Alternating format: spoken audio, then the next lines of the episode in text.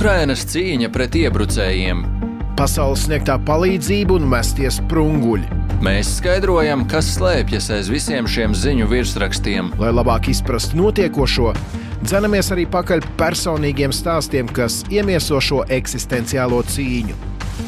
Jo Ukraina cīnās ne tikai par savu brīvību. Ukraina šobrīd ir arī mūsu drošinātājs. Šis ir raidieraksts drošinātājs 63. epizode. Esiet sveicināti klausītāji, es sveicināts arī Rihards Plūme. Es esmu sveicināts divi reiznieki, esiet sveicināti klausītāji. Esam tikuši līdz 63. epizodei. Un, jā, varbūt es izklausos tāds gana mundrs, bet, ja godīgi, nu, kaut kā pēdējās dienas nu jau pirms um, otrās kara gada dienas, tomēr tāds gribētos teikt padrūms, tas noskaņojums gan par to, kas notiek frontē, gan par to, kā tie rietumi var vai nu izskatās drīzāk līdz galam vēl nevar saņemties ar to palīdzību. Nu, nezinu, nezinu. Man kaut kā šķiet, ka kombinācija ar to, ka frontē neiet tik labi, kā mums gribētos. Šobrīd tātad Ukrāņi ir spiesti pamest kaut kādas teritorijas, kur nu, nav jēga vairs turpināt uh, palikt. Uh, kombinācijā ar eh, lielākā ar otro gada dienu, kad eh, visa uzmanība, oficiālās runas un tā tālāk bija veltītas par un ap Ukrainu. Tad mēs paskatāmies, kas notiek dažas dienas vēlāk, par to mēs arī runāsim ar Kristīnu. Nu, kaut kā tas ledus sakustās. Ziniet, kā tad, kad šķiet, ka Ukrāņi paši ar to tiek lieliski galā, tad iespējams, ka mēs atslābstam. Un tad, kad mēs redzam, ka nē, tur neiet viss tik spoži, kā gribētos, tad atkal Iespējams, mēs spējam sagrupēties. Par to, jā, par to mēs uh, pavisam drīz runāsim ar Kristīnu Bērziņu. Bet, uh, Rihard, uh, šajā nedēļā tu mums uh, nāc klajā ar lielo interviju, lielo interviju, kas atvesta no Vācijas. Jā, mēs jau šķiet. Divas iepriekšējās epizodes piesaucām Minheni. Nākas mums to piesaukt arī šajā epizodē, jo jā, esmu atvedis interviju no Mīnhenes tur es satiku vienu no ukrainietiem, kas tur mīt, Olha Horbenko, kura jau labu laiku dzīvo Mīnhenē, un diezgan gari, tā teikt, parunājāmies. Gara šoreiz arī būs intervija, un nu, tā īsi ieskicējot, kas tad tajā būs, nu, tur mēs runājām gan par to, kā viņa palīdz Vācijā esošajām ukraiņu bēglēm, grūtniecēm tieši konkrēti runājām arī par to, kādēļ viņa nevēlas runāt Krievu valodā, jo intervija būs Ukrāņu valodā, kādi ir tie iemesli un ko viņi domā par Vācijā dzīvojošiem krieviem, kas tur nu, nebūtu nav mazums. Un, dzirdēsiet tāpat arī viņas pieredzi par to, kā viņi palīdz arī Ukrāņiem Vācijā un iespējas par pašu vāciešu sniegto atbalstu no kara bēgošajiem, un vai viņas prāt vispār cilvēki, kas neatrodas Ukrajinā, tur nav bijuši un atrodas tālāk kaut kur ārzemēs, vai vispār viņiem ir iespējams izprast, eh, kas šobrīd reāli notiek Eiropā. Nu, viņi dalījās emocijās gan par eh, pašas un pašas ģimenes piedzīvoto, gan arī uh, pastāstīja arī citu cilvēku pārdzīvoto, bet nu, to jau mēs dzirdēsim vēlāk. Katrā ziņā drošinātājā ir bijušas intervijas ar ļoti daudziem Ukrajinā dzīvojošiem Ukrāņiem, ir bijušas intervijas ar uh, Latvijā nonākušajiem Ukrāņiem, bet uh, vēl līdz šim mums nav bijusi saruna ar Ukrāņiem Eiropā, Rietumē Eiropā, kas tur uh, mīt lielā skaitā un Vācija ir tā valsts, kurā viņu ir šobrīd visvairāk. Tāpēc būs interesanti dzirdēt šo citādo perspektīvu uz eh, notiekošo. Bet eh, tas pēc eh, brīža, jo šobrīd, kā ierasts, sazināsimies ar Kristīnu Bērziņu Vašingtonā. Tiem, kur nezina, atgādināšu, viņa ir Vācijas Maršala fonda ziemeļnovirziena vadītāja un drošības politikas pētniece. Un šajā reizē mēs ar viņu pārunāsim gana skandalozās ziņas, kas nedēļas sākumā pie mums atnāca no Parīzes par to, ka uh, Mm, Eiropas līderi, konkrēti Makrons, eh, Francijas prezidents, neizslēdz iespējamību, ka kādu Eiropas valstu eh, karavīri varētu ne šobrīd, ne tuvākajā laikā, bet viņš neizslēdz iespēju, ka viņi varētu nonākt eh, arī Ukrajinā.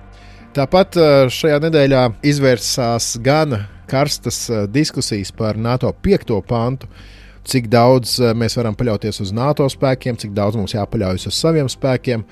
Tad nu, šajā kontekstā aprunāsim arī to, ka beidzot ir kritušas visas barjeras Zviedrijas iespējai pievienoties NATO, tātad padarot arī Baltijas jūru par iekšējo NATO jūru. Kā tas viss iet roku rokās, arī par to sarunā ar Kristīnu Bērziņu Vašingtonā. Raidieraksts drošinātājs. Sveiki, Kristīne! Sveiki, sveiki! Sāksim ar eh, došanos uz Parīzi, kur eh, šajā pirmdienā prezidents eh, Makrons pie sevis bija sasaucis Eiropas līderus. Kopumā 25 valstu līderi tur bija un um, neformāla tikšanās. Uh, pēc kuras mēs dzirdējām gana skaļus pavērsienus. Proti, Makrons um, runāja par to, ka Krievija ir jāuzvar. Eiropai ir jābūt jau tuvāko gadu laikā gatavai Krievijas uh, iebrukumam. Tāpat uh, nevar izslēgt to, ka uh, Eiropas valstu karavīri tā vai citādi varētu būt Ukrainā neminot konkrētas valstis, pieminot to, ka nav šajā jautājumā vienotības.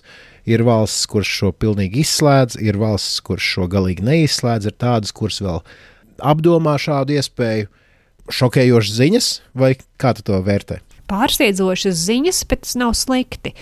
Pārsteigums pēdējā laikā bijis tikai ar rietumu neizdarību. Tas varbūt līdz šim ir bijis pārsteidzoši, tāpēc ka pēdējie mēneši, kā jau arī šeit drošinātājā mēs analizējam, nav bijuši tādi optimistiskākie. Un, protams, Ukrainā situācija tikai dramatiski pasliktinās. Tālūk kaut kas pārsteidzošs un pozitīvā iespējamā virzienā Ukrainas interesēm, tas ir kaut kas vērā ņemams un interesants. Interesants tādā ziņā, ka, protams, nav runa vai par to, ja būtu karavīri, kur kautos, vai kāda būtu loma iespējamiem Eiropas karavīriem, bet tad pastāv jautājums, ja jau Ukrainas drošība mums visiem ir ārkārtīgi nozīmīga, ja no Ukrainas uzvaras ir atkarīga pārējā Eiropas drošība, tad kur tad ir kāda sarkanā līnija vai robeža, kuru Eiropa netaisās pārkāpt, lai atbalstītu Ukrainu?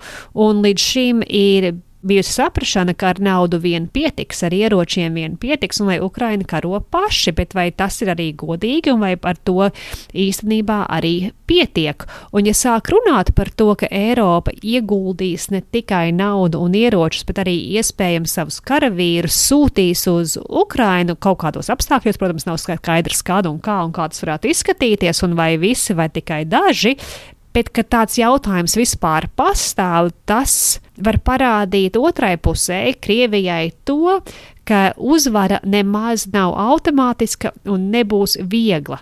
Pēdējā laikā Krievija ļoti nu, met visu iespējamo finansiāli īpaši, lai iegūtu cik vien iespējams Ukrainā un piespiestu Ukrainai piekāpties ar to saprašanu, ka Krievijai būtu iespējams varbūt vēl tuvākā laikā ātri tikt līdz uzvarai. Bet ja ir skaidrs, ka Eiropas pusē būs atbalsts un atbalsts pat var būt nozīmīgāks nekā līdz šim. Ja runa par karavīriem, tad ir runa par to, ka Eiropa netaisās piekāpties un ka Eiropa netaisās padoties. Un tas kā signāls Maskavai ir kaut kas ārkārtīgi nozīmīgs.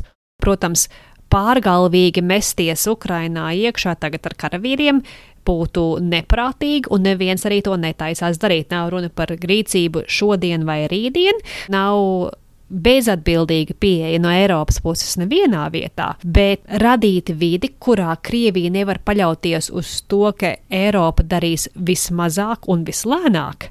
Tas ir nepieciešams ne tikai Ukrainai, bet arī visai Eiropai. Tālūk, eh, nopietni izvērtēt Eiropas atbalstu Ukrainai un ne tikai finansiālo, tas ir nozīmīgi bet arī par to pārāk nevajag satraukties tādā ziņā, ka tas nebūs kaut kas, kas notiks rīt. Ir jautājums arī par to, kādā veidā Eiropas atbalsts var fiziski arī būt vairāk klāt Ukrainā. Jautājums ir arī, vai tā ir karošana, vai tā ir cita veida palīdzība. Bet šī ir, teiksim tā, ļoti skaļa domāšana, ideju likšanu galdā. Bet signāls, kas tiek sūtīts šobrīd no Francijas Krievijai, teikt, ir radikāli pretējais signāls tam, ko Trumps teica pirms dažām nedēļām, ka Krievija drīkst darīt, kā vēlās ar NATO dalībvalstīm, kuras neiegulda savā drošībā.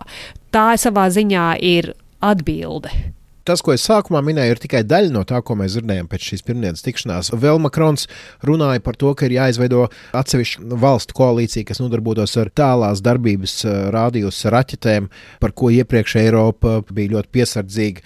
Tāpat uh, Makrons teiksim, tā uzbrauc augumā uh, Vācijas kancleram Šolcam, sakot, ka daudzi no tiem, kuri šodien saka, nekad mēs kaut ko tādu nedarīsim, ir tie paši, kuri pirms diviem gadiem teica, ka nekad tankus, nekad uh, lidmašīnas mēs nesūtīsim uz Ukrajinu, mēs uh, piedāvāsim tikai guļamais un ķivers.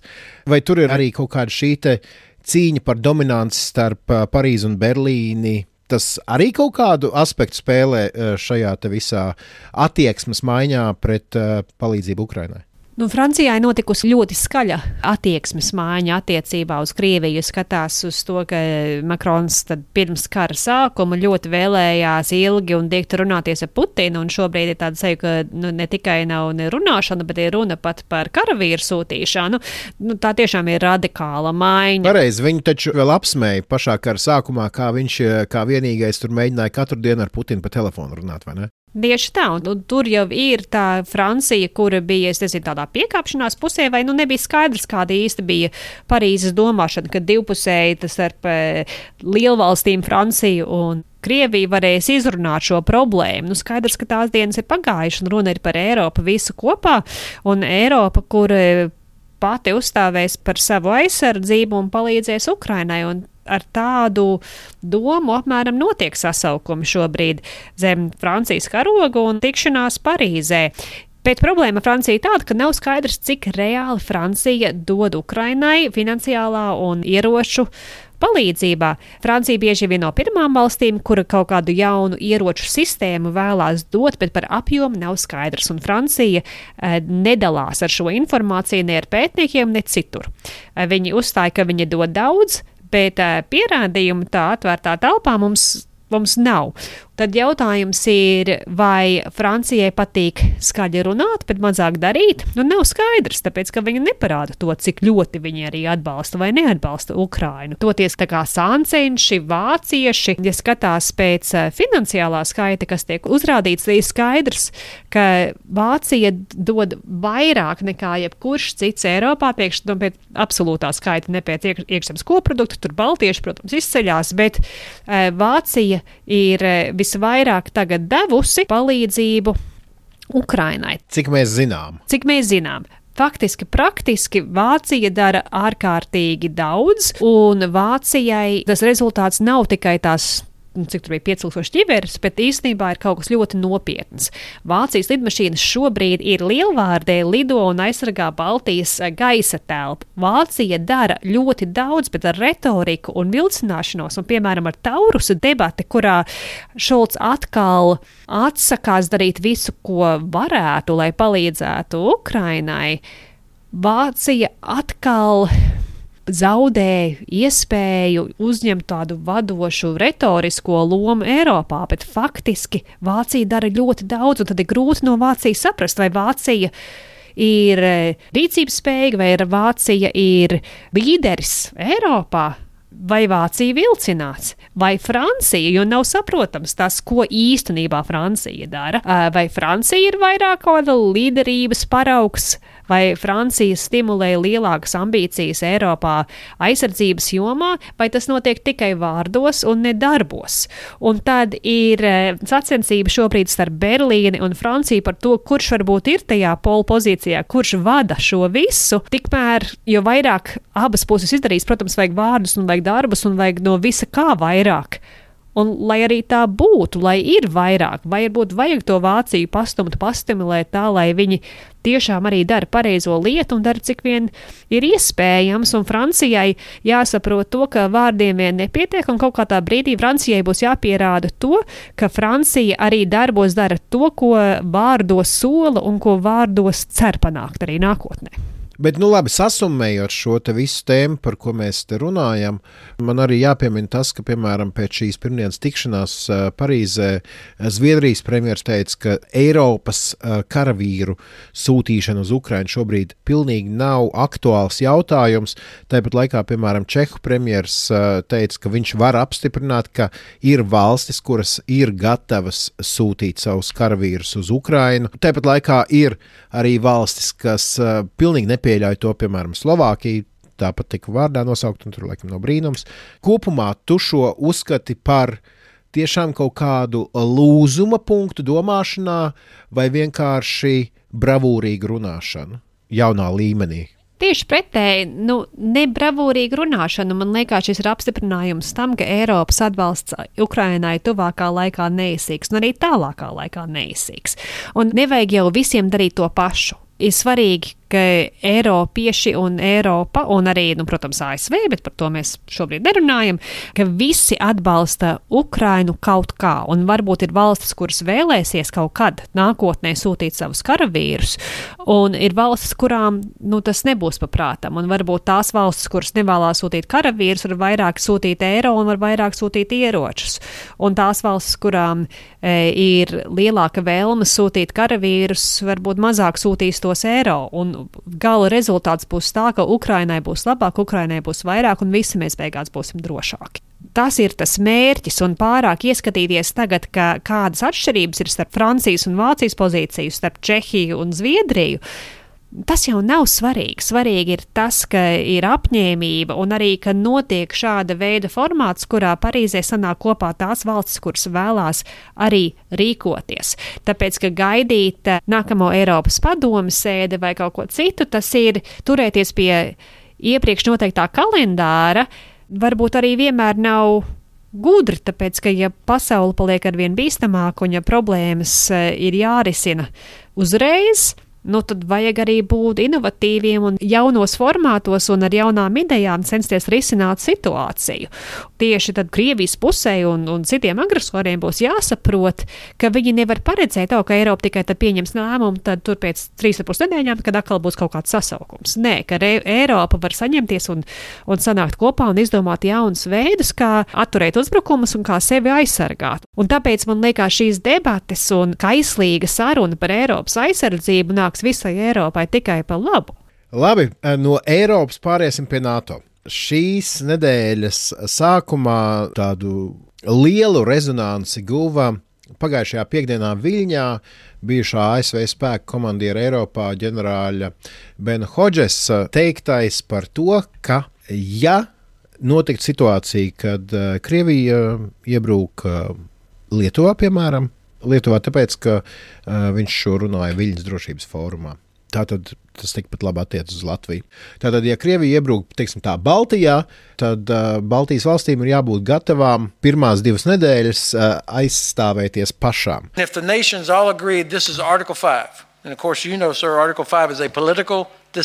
Ja dalību valstis piekrīt, ka šis ir 5. panta gadījums, un jūs zināt, ka tas ir politisks lēmums, pieņemsim, ka jau pirmajā dienā visi vienojas, ka šis ir 5. panta gadījums. Manuprāt, būs vajadzīgas vēl divas nedēļas, līdz ieradīsies papildus NATO spēki, vismaz sauszemes spēki. Citiem vārdiem sakot, Lietuvai jābūt gatavai cīnīties divas nedēļas ar to, kas te ir. Protams, tajā skaitā ar te dislocēto vācu brigādi, kas būs īsts dinamīts. Tā būs labākā brigāde visos Vācijas bruņotajos spēkos. Tāpat šeit ir amerikāņu bataljoni, un tas ir ļoti labi. Taču domāju, ka ar citiem spēkiem nevar rēķināties varbūt divas nedēļas. Tai domāšanai ir jābūt tieši šādai. Piektais pants nav kā lāzera stars, kas momentā nostrādā, kā tāds aizsardzības vairogs. Tas ir politisks lēmums, kas tiek aktivizēts, ja nav nostrādājuši atturēšanas pasākumi. Tādēļ mums tam ir jābūt gataviem. So we have to be prepared for that. Es tev par šo nejautāšu, par šo izteikušies ir pilnīgi visi, un tā, tā galvenā doma, un vismaz no oficiālajām amatpersonām, ir par to, ka piektais paragrāfs strādā, mūs aizsargās, bet jā, mums ir jāiegulda savā aizsardzībā, un mums ir jābūt gataviem dot pretriecienu pirmās dienas. Bet par šo tēmu mēs ar tevi esam runājuši, un, un principā tu esi teikusi tieši to pašu. Es uh, gribētu paskatīties uz šo jautājumu nedaudz citādā rakursā, ņemot vērā, ka Ungārijas parlaments beidzot ir nobalsojis par to, ka Zviedriju pieņems uh, NATO, uzņems NATO, un tā tad visas barjeras ir pārvarētas. Uh, Zviedrija kļūs par NATO līdz ar Somiju, Baltijas jūra kļūs par NATO iekšējo ezeru, tā teikt. Šajā kontekstā, ko tu varētu pateikt cilvēkiem, nu, kurus uztraucas šis jautājums par iespējamo Krievijas iebrukumu Baltijas valstīs un NATO spēju laicīgi un spēcīgi atbildēt. Parasti mums nav daudz optimisma šajā raidījumā, bet apskaties, kaut kas labs notiek. Ungārijas parlaments ir balsojis par Zviedrijas dalību NATO. Būs jāparaksta vēl pēdējās lietas nākamā nedēļa, bet viss notiek, un Zviedrija būs NATO dalības valsts Kāpēc tas ir svarīgi? Ko tas mums dod, ko tas NATO dod, ko tas Latvijai dod? Ja paskatās uz ziemeļiem, tad virs Latvijas, bet Latvija arī, tā skaitā arī Latvijā, ir ļoti liels, stiprs NATO dalību valstu, NATO sabiedroto vairoks. Ja skatās no Ziemeļatlantijas okeāna, no Lielbritānijas pāri Ziemeļvalstīm, Norvēģija, Zviedrija, Somija, Baltijas valstis, ir NATO ziemeļu vairogs pret Krievijas agresiju, kas šīs ir valstīm, un Polija, arī teikšu Poliju, tāpēc, ka Polija ir politiski rīcības spējīga ar ļoti spēcīgiem aizsardzības spēkiem, ar lieliem militāriem budžetiem. Viss tikai notiek šajā ziemeļu vairogā. Šeit nav ne politiskā pretestība pret Eiropas aizsardzības centieniem, drīzāk ir lielas politiskās aizsardzības ambīcijas un arī nopietnas spējas. Un, ja agrāk bija caurumi, piemēram, Zviedrija, Somija, kurus Krievija varēja izmantot vismaz tādu neutralitātes principu vai bremzēšanu, kas notiek tieši sarunās starp nesabiedrotām valstīm un sabiedrotām valstīm, tad šobrīd visi mēs esam vienā bariņā un cik vien spējam ziemeļu šajā vairogā ātri un spējīgi, spēcīgi reaģēt uz jebkuru iespējamo uzbrukumu vai traucēkli mūsu pierobežā. Ar Zviedriju NATO kopā ir spēks, sadarbība ir ātra, sadarbībai gatavojās, kopā notiek mācības un ļoti tiek ierobežota Krievijas rīcības spējība tieši Baltijas jūras reģionā. Protams, ir jāiegulda un jādara visu tā, lai potence, kura ir tagad no visām NATO dalību valstīm, arī būtu reāla. Un zina, ka jāiepērk visu, ko vien var iepirkt, un ir jāgatavojās, bet pienāk klāt valsts. Ar zemūdenēm, ar visādām spējām, ar kapacitāti ātri un uzreiz palīdzēt Baltijas valstīm, bet palīdzēt visiem kopā. Un ko tad Krievija redz, paskatoties uz Ziemeļa Eiropas pusi, uz Baltijas reģiona pusi? Viņi redz saliedētu, spēcīgu, spējīgu NATO bloku, ar kuru varbūt nebūtu Krievijas interesēs, pēkšņi sāk pārbaudīt tās spējas, jo iespējamais pretplieziens varētu būt tik liels, ka tā būtu tik milzīga strateģiskā kļūda. Par to mums vajag tikai priecāties un jāsaprot, ka nu, ir šīs runas par to, kuras ir vadošās valstis Eiropā vai kuri ir reģioni, ziemeļi tā skaitā Baltija, visa Baltijas uh, jūras apkaime. Mēs esam spējīgi, spēcīgi un politiski ambiciozi un spējīgi atturēt to Krieviju. Un šis ir apliecinājums tam. Teiksim tā, ja līdz šim mūsu lielā bažas bija suvalka koridors, kas sanāk tāds kā pudeles kakls baltiešiem, piemēram, izbraukt uz Rietumu Eiropu, tad, eh, ja mēs satraucāmies vairāk par to, tad šobrīd tu teikt, ka, piemēram, Krievijai ir jāsatraucas par eh, Ziemeļvalstu, kā mēs zinām, apvienoto eh, gaisa spēku spējām. Par apvienoto gaisa spēku spējām, par jūras spēku spējām, par iespēju aizslēgt Baltijas jūru. Dānija. Tur ir, kur atverās un aizverās Baltijas jūra. Tur šobrīd Dāņi, Zviedri, Norvēģi, Somija, Poļi, Baltijas valstis, mēs visi kopā pagriežamies pret to, kas notiek Baltijas jūrā, un tur pēkšņi tādam ienaidniekam nemaz vairāk nav ērti uzturēties. Drīzāk Krievijai ir jāuztraucās par nu, jāizvērtē pa jaunu, kāda vērtība tad ir Kaļiņgradai. Tāpēc, ka Kaļiņgradai ir eh, maza vērtība, ja Krievi paši tur netiek klāt, un eh, Kaļiņgrada paliek viena pati kā sala tur Baltijas reģionā. Nu ko, lai tad uh, Kremlis par šo padomā, mēs savukārt padomāsim par to, ko tu teici, un uh, būsim priecīgi tevi dzirdēt atkal pēc nedēļas. Tad tiekamies pēc nedēļas. Raidieraksts drošinātājs.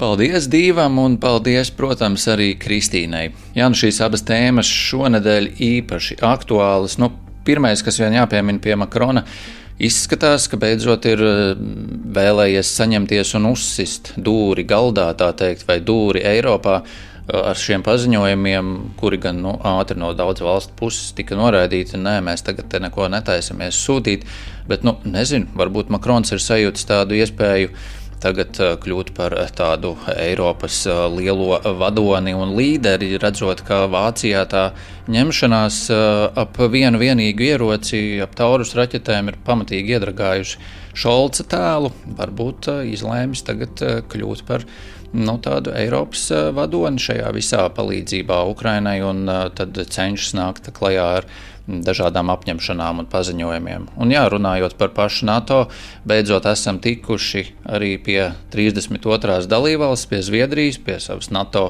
iekšējās jūras, bet, nu, kā jau iepriekš arī esam runājuši, Ungārija lika šķēršļus tagad, un laikam jau nav jākrīt eiforijā un jādomā, ka Ungārijas šķērslis šīs pret Zviedriju būs tas pēdējais, gan jau nemazums nepatīkam pārsteigumu, diemžēl Ungārija mums vēl sagādās. Tu esi īsts latvietis pat šādās svētku brīdī priecīgas ziņas, kad nāk, tu mēģini atrast kaut ko negatīvu. Es nespēju būt eh, nekritisks. nu, labi, uh, jā, varbūt vienkārši tu esi ar skaidru skatienu, skaties un neesi labo ziņu nu, apmākts, nomākts. Par Makronu runājot, nu, iespējams, ka viņš vienkārši ir iedvesmojies no Ukraiņiem, kuri ir vienkārši eleganti troļļo ik pa laikam Krieviju. Un, un Katrā ziņā šis ir tas gadījums, kad uh, laiks rādīs. Galu galā, kā Makrons teica, pirms diviem gadiem daudzi neticēja, ka darīs to, ko šobrīd dara.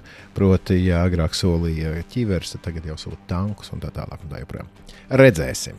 Bet uh, interesanti, protams, ka Pēc Makrona paziņojuma Kremlis steidzās draudēt, ka NATO karavīri Ukrainā nozīmētu tieši NATO konfliktu ar uh, Krieviju, lai gan to viņi saka jau tāpatās. Taču interesanti, ka jau šobrīd patiesībā NATO valstu pilsoņi, kas karot Ukraiņas bruņoto spēku rindās, nemaz netrūkst. Lai arī oficiāli un precīzi skaitļi, kā jau iespējams nojaust, nav pieejami. Washington Post uh, aplēses uh, pavisam svaigas liecina, ka šobrīd par Ukrajinu cīnās aptuveni 20 tūkstoši ārzemnieku no vairāk nekā 50 valstīm. Tā uh, skaitā nedaudz, bet ir arī no Latvijas. Katrā ziņā Tur ir interesants miks, gan pārliecības cilvēki, gan rūtīti algotņi, gan pēdējā laikā, starp citu, parādoties ar vien vairāk kolumbiešu, kas gan tur vairāk dodas tieši peļņas motivēti. Nu, zināms arī, krituši kaujās ir piemēram 50, vairāk kā 50 uh, ASV pilsoņi. Ko pretī liek Krievija? Nu, pārstāvniecība gan tur esot krietni mazāka, pārsvarā no Sīrijas, Kubas, Nepāles, Indijas un dažām Āfrikas valstīm. Labs stimuls ir gan nu, priekš šo valstu pārstāvjiem gan lielā piesaistītā alga vismaz uz papīra. Tāpat arī iespēja atvieglotā kārtā saņemt uh, Krievijas pasi, kas uh, viņu uzskatā ir uh, nu, startautiski krietni spēcīgāka par mītnes zemes pasēm. Te gan uzreiz jāpiebilst, ka pagājušajā mēnesī atvieglotu pilsonības iegūšanu ierosināja arī prezidents Zelenskis, un te jāņem vērā, ka jau kādu laiku tiek runāts par to, ka Ukraiņas armijas rezerves būtu papildināmas, un jā, tā ir vēl viena karsta tēma pašā Ukraiņā. Tik tālu par eh, karavīriem, Eiropas karavīriem, eh, NATO karavīriem Ukraiņā. Bet eh, nu, mēs varbūt jau varētu pievērsties mūsu lielajai intervijai šīs nedēļas, kad pirmo reizi, jā, tikai 63. drošinātajā epizodē, mēs beidzot runāsim ar ukrainieti, kura dzīvo Eiropā, kur dzīvo konkrētāk Vācijā, Minhenē. Un tad es gribēju paskatīties, kā ir ar to uh, no Ukrainas aizbēgušo cilvēku statistiku Eiropā. Proti, ja skatāmies uz Eurostat datiem, tad 4,2 miljoni Ukraiņas bēgļu Eiropas Savienībā ir reģistrējušies pagaidu aizsardzībai vai tam līdzīgām palīdzības schēmām. Latvijā esot 43,000 ar pusi. Lietuvā 75,000, gan arī Igaunijā 35,000 ukrāņu. Ja mēs skatāmies uz Eiropas valstīm, tad uh, visvairāk ukrāņu tas top trīnieks ir Čehija ar gandrīz 400 tūkstošiem uh, ukrāņu bēgļu, Polija ar gandrīz miljonu un pašā pirmajā vietā ir Vācija ar 1 200 tūkstošiem ukrāņu, kuri ir tātad oficiāli reģistrējušies un saņem kādu palīdzību. Un, ja mēs skatāmies kopumā, piemēram, uz ziņu virsrakstiem saistībā ar Ukraiņiem Eiropā, tad patiesībā tur ir interesantas tēmas, kas uh, izceļas. Piemēram, Ukrāņu bēgļi ir devuši ļoti pozitīvu pienesumu daudz valstu darba tirgu. Viņi ir uh, atbildīgi arī par lielākiem nodokļu iekasējumiem. Latvijā, starp citu, tiek runāts par neizmantoto ekonomisko potenciālu uh, no Ukrāņu bēgļiem. Tos ar citu izpētījuši kolēģi no raidījuma atvērtie faili. Klausieties to pirms pāris nedēļām. Viņi laikam izlaida 153. raidījums. Mm, atradīsiet ļoti interesantu iesaku noklausīties. Tad ir piemēram tāda ziņa par to, ka Polijā labu grūdienu Ukrāņu bēgļi ir devuši luksus brendu veikaliem. Proti, kā mēs zinām, atcerieties, kara sākumā arī daudz runāja, o, oh, re, kur ir eleganta smalka mašīna ar Ukraiņas numuriem, nu, ko viņi te vispār atbraukuši, bet te ir jāatceras, ka Ukrāņi eh, nebēg no nabadzības, viņi bēg no kara. Ja? Tā kā uz eh, citām valstīm pārceļas arī cilvēki, kuriem ir līdzekļi. Savukārt, piemēram, Lielbritānijā piecreiz lielāka iespēja kļūt par bezpajumtnieku nekā jebkuram citam, esot tieši Ukraiņas bēgļiem. Kas interesanti, tad um, Ukraina patiesībā esot uzsākusi sarunas ar Eiropas Savienības pārstāvjiem par to, ka Eiropas valstis varētu kā, no ap 25. gadu sākt beigt atbalstīt bēgļus, lai viņi būtu vairāk motivēti atgriezties mājās un stiprināt tieši dzimtenes ekonomiku. Uh, nu šobrīd nekas oficiāli par to. Es vismaz neko tādu ļoti neesmu dzirdējis, bet nu, tā motivācija tā būtu skaidra. Bet kā ir dzīvot vienam ukrāņu bēglim Vācijā, Minhenē, divus gadus pēc uh, lielā Krievijas iebrukuma sākuma, kāpēc viņi tur vēl aizvien ir, kāpēc ir tādas situācijas kā šajā gadījumā, ko jūs dzirdēsiet, kad puse ģimenes ir Ukrajinā, puse ģimenes, piemēram, Minhenē. Bet, nu, Rihards, izstāsti nedaudz vairāk. Jā, nu, katram šie stāsti ir dažādi. Nu, vēl pirms es eh, pieķeros intervijai, jā, tu minēji, Vācijā ir eh, tiešām diezgan daudz, eh, nu, lielākais skaits no Ukrāņu bēgļiem, bet nu, tajā pašā laikā mums arī jāatceras, ka tur ir diezgan daudz eh, arī šo krievu no Krievijas, kas gan tur dzīvojuši arī pirms tam un arī pēc atkārtotā iebrukuma. Un viena tāda interesanta aina, vai nezinu, bija nu, šīs intervijas laikā Minhenē, Minhenes drošības konferencē. Ierasti, kad es katru gadu tur braucu, ir viens tāds krodziņš, kafejnīca, nu, līdzīgs varbūt kā mūsu lido, tikai nu, proti ar vācu ēdieniem, dzērieniem un tam līdzīgi. Divus vakarus pēc kārtas es tur biju, un pirmajā vakarā pie viena no galdiņiem apdzērusies um, vīriešu kompānija no Krievijas uz krākliem uzdrukātām georgu lentām. Tur uzreiz bija skaidrs, no, no, no kurienes viņi ir, kas viņi ir. Otrs vakars pilnīgi pretstats, dažus galdiņus tālāk sēž uh, gados jauni ukrāņi, kas bija bijuši konkrētajā dienā šajā mītiņā, netālu no Minhenes drošības konferences norises vietas demonstrācijā, kur nu, centās parādīt par to, ka Ukrainai joprojām nepieciešama palīdzība, smējās, priecājās, dzīvespriecīgi un pārsprieda dažna, dažādas um, lietas, cik dzirdēju gan par to, kas Ukrainā notiek, gan pasaulē, gan, gan protams, savas uh, ikdienas lietas. Nu, divas dienas un pilnīgi divi dažādi uh, pretstati nācās redzēt gan tā teikt, gan vienu, gan uh, otru pusi man Minhenē. Bet jā, es satiku um, Minhenes ārpus Minhenes centra tālāk. Vienā no rajoniem uh, Olhu, kur tur jau dzīvo kādu labu laiciņu, ar ģimeni tur ir aizbraukusi, bet nu, tagad gan tur ir palikusi viena pati, vismaz pagaidām, meita pārcēlusies jau atpakaļ uz Ukrajinu, un tas arī viņai ir bijis diezgan grūti. Par to viņa pastāstīs intervijā. Protams, arī par to, nu, kā tad ir dzīvot Vācijā, cik liela ir bijusi un ir tagad tā palīdzība gan no vāciešiem, gan, gan arī no citiem ukrāņiem. Tāpat arī par to, jā, kā ir Cik liela ir tā saskarsme ar, ar krievalodīgajiem tur un kāda ir tā viņas attieksme pret krievalodīgajiem kopumā, pret uh, arī dzēnu krievu uh, valodu. Un interesanti, ka tas ir šis karš ir šajā valodas ziņā mainījis arī viņas komunikāciju ģimenē kopumā. Viņa atzina, ka arī daudziem draugiem un paziņām tagad tiek izmantota pilnīgi cita valoda saziņā ikdienas un ģimenē nekā tas bija pirms kara. Jūs droši vien varat iedomāties, uz, uz kuru valodu tagad viņi ir pārgājuši, ja iepriekš runāja Krievu valodā. Nu jā, un šī intervija būs gan ukrāņu valodā, gan es saprotu, dažkārt jūs pārgājāt uz angļu valodu. Katrā ziņā šāds te mikslis, eh, un kā vienmēr, ja intervija eh, mums nav latviešu valodā, mēs piedāvājam divas versijas. Ja jūs klausāties, lūk, šo pilno raidierakstu turpināt arī klausīties tālāk eh, piedāvāsim uh, sarunu klausīties ar tulkojumu latviešu valodā. Bet, uh, ja jūs gribat dzirdēt ukrāņu valodu, tad droši mēs tepat publicējam arī pilnu intervijas versiju oriģinālu valodā. Tā kā izvēle ir jūsu, intervija mūsu, klausāmies!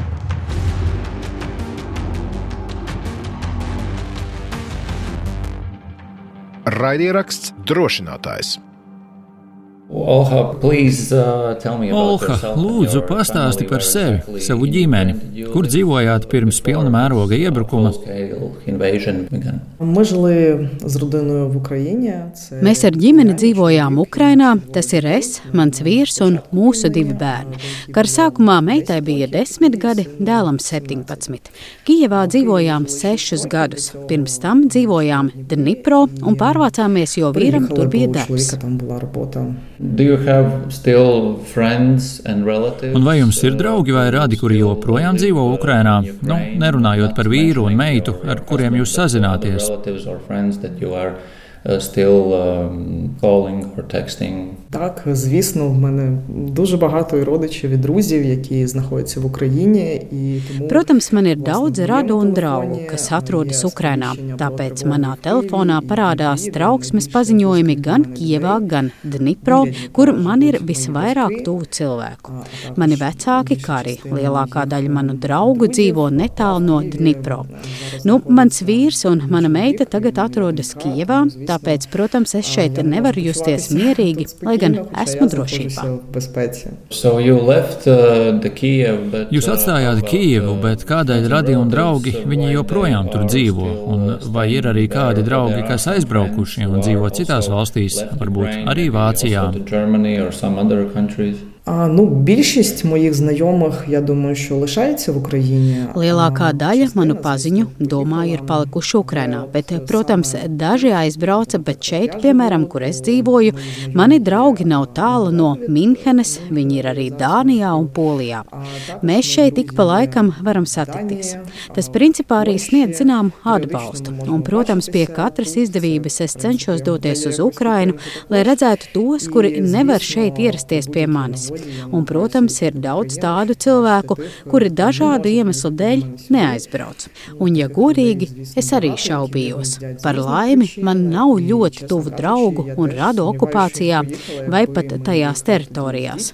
Tos, kurus es zinu, viņi mēģināja aizbraukt un izbrauca. Man ir ļoti labi paziņas un draugi, kuri aizbrauca jau tālajā 2014. gadā, kad sākās Ukrainas austrumu daļas okupācija. Es zinu daudz daudz šādu stāstu. Un tad es biju Dnipro, un mēs to visu pārdzīvojām ļoti smagi, jo Donetska mums bija diezgan tuvu, un tas bija patiešām biedējoši. Neviens nesaprata, kas ar mums notiks rīt. Un tad mēs arī palīdzējām daudziem cilvēkiem, kas ieradās no okupētajām teritorijām, atrast mājokli un dažādas materiālās lietas. Un jā, atceros, ka palīdzējām piemēram vienai manai grūtniecei kolēģei aizbraukt no Luhanskas. Viņa bija grūtniecības astotajā mēnesī. Mēs par to visu ļoti uztraucāmies, atturējām viņu no aizbraukšanas. Nu, visi cerēja, ka tas nebūs ilgi, bet kad Luhanskas centrā notika sprādziens un izlidoja logi, un viņa nokrita no krēsla, par laimi viss beidzās labi. Bet, protams, viņas lēmums jau bija galīgs. Viņa toreiz ieradās Dnipro un arī dzemdēja Dnipro. Un tā kā pēc profesijas palīdzu grūtniecēm, psiholoģiski gatavoju dzemdībām, es, protams, biju kopā ar viņu, jo viņai emocionāli bija ļoti grūti, jo mamma un tēvs palika окупація. Ну, емоційно їй було дуже важко, бо її мама, її тато лишався в окупації. Більше того, його її тата тоді Turklāt viņas tēvu pēc tam aizturēja okupācijas spēki, un viņš bija nezinu kur.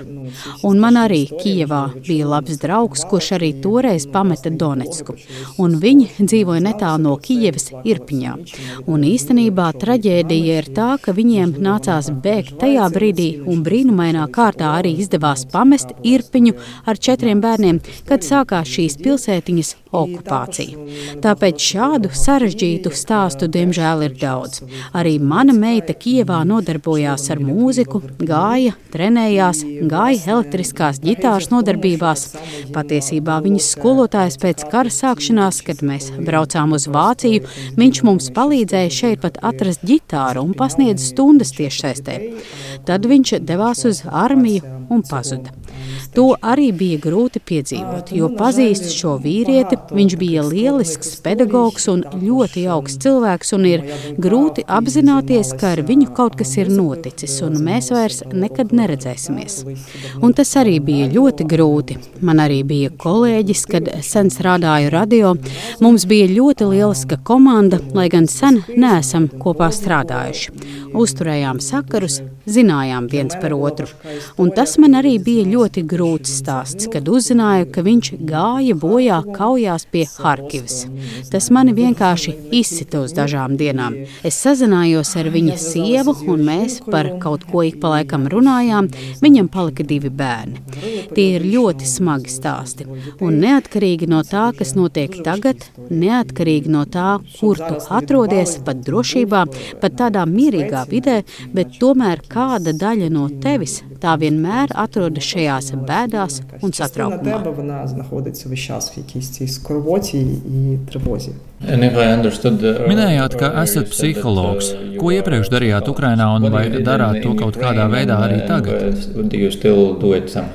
За фахом я психолог, я закінчила університет за цією спеціальністю. Pēc profesijas esmu psiholoģe, beidzu universitāti ar šo specialitāti, bet, kā jau teicu, apstākļi bija tādi, ka sākumā nostrādāju radio septiņus gadus, un faktiski tas, kas mani pagrieza atpakaļ uz psiholoģijas tēmu, lai gan šī tēma tēma man vienmēr ir bijusi interesanta.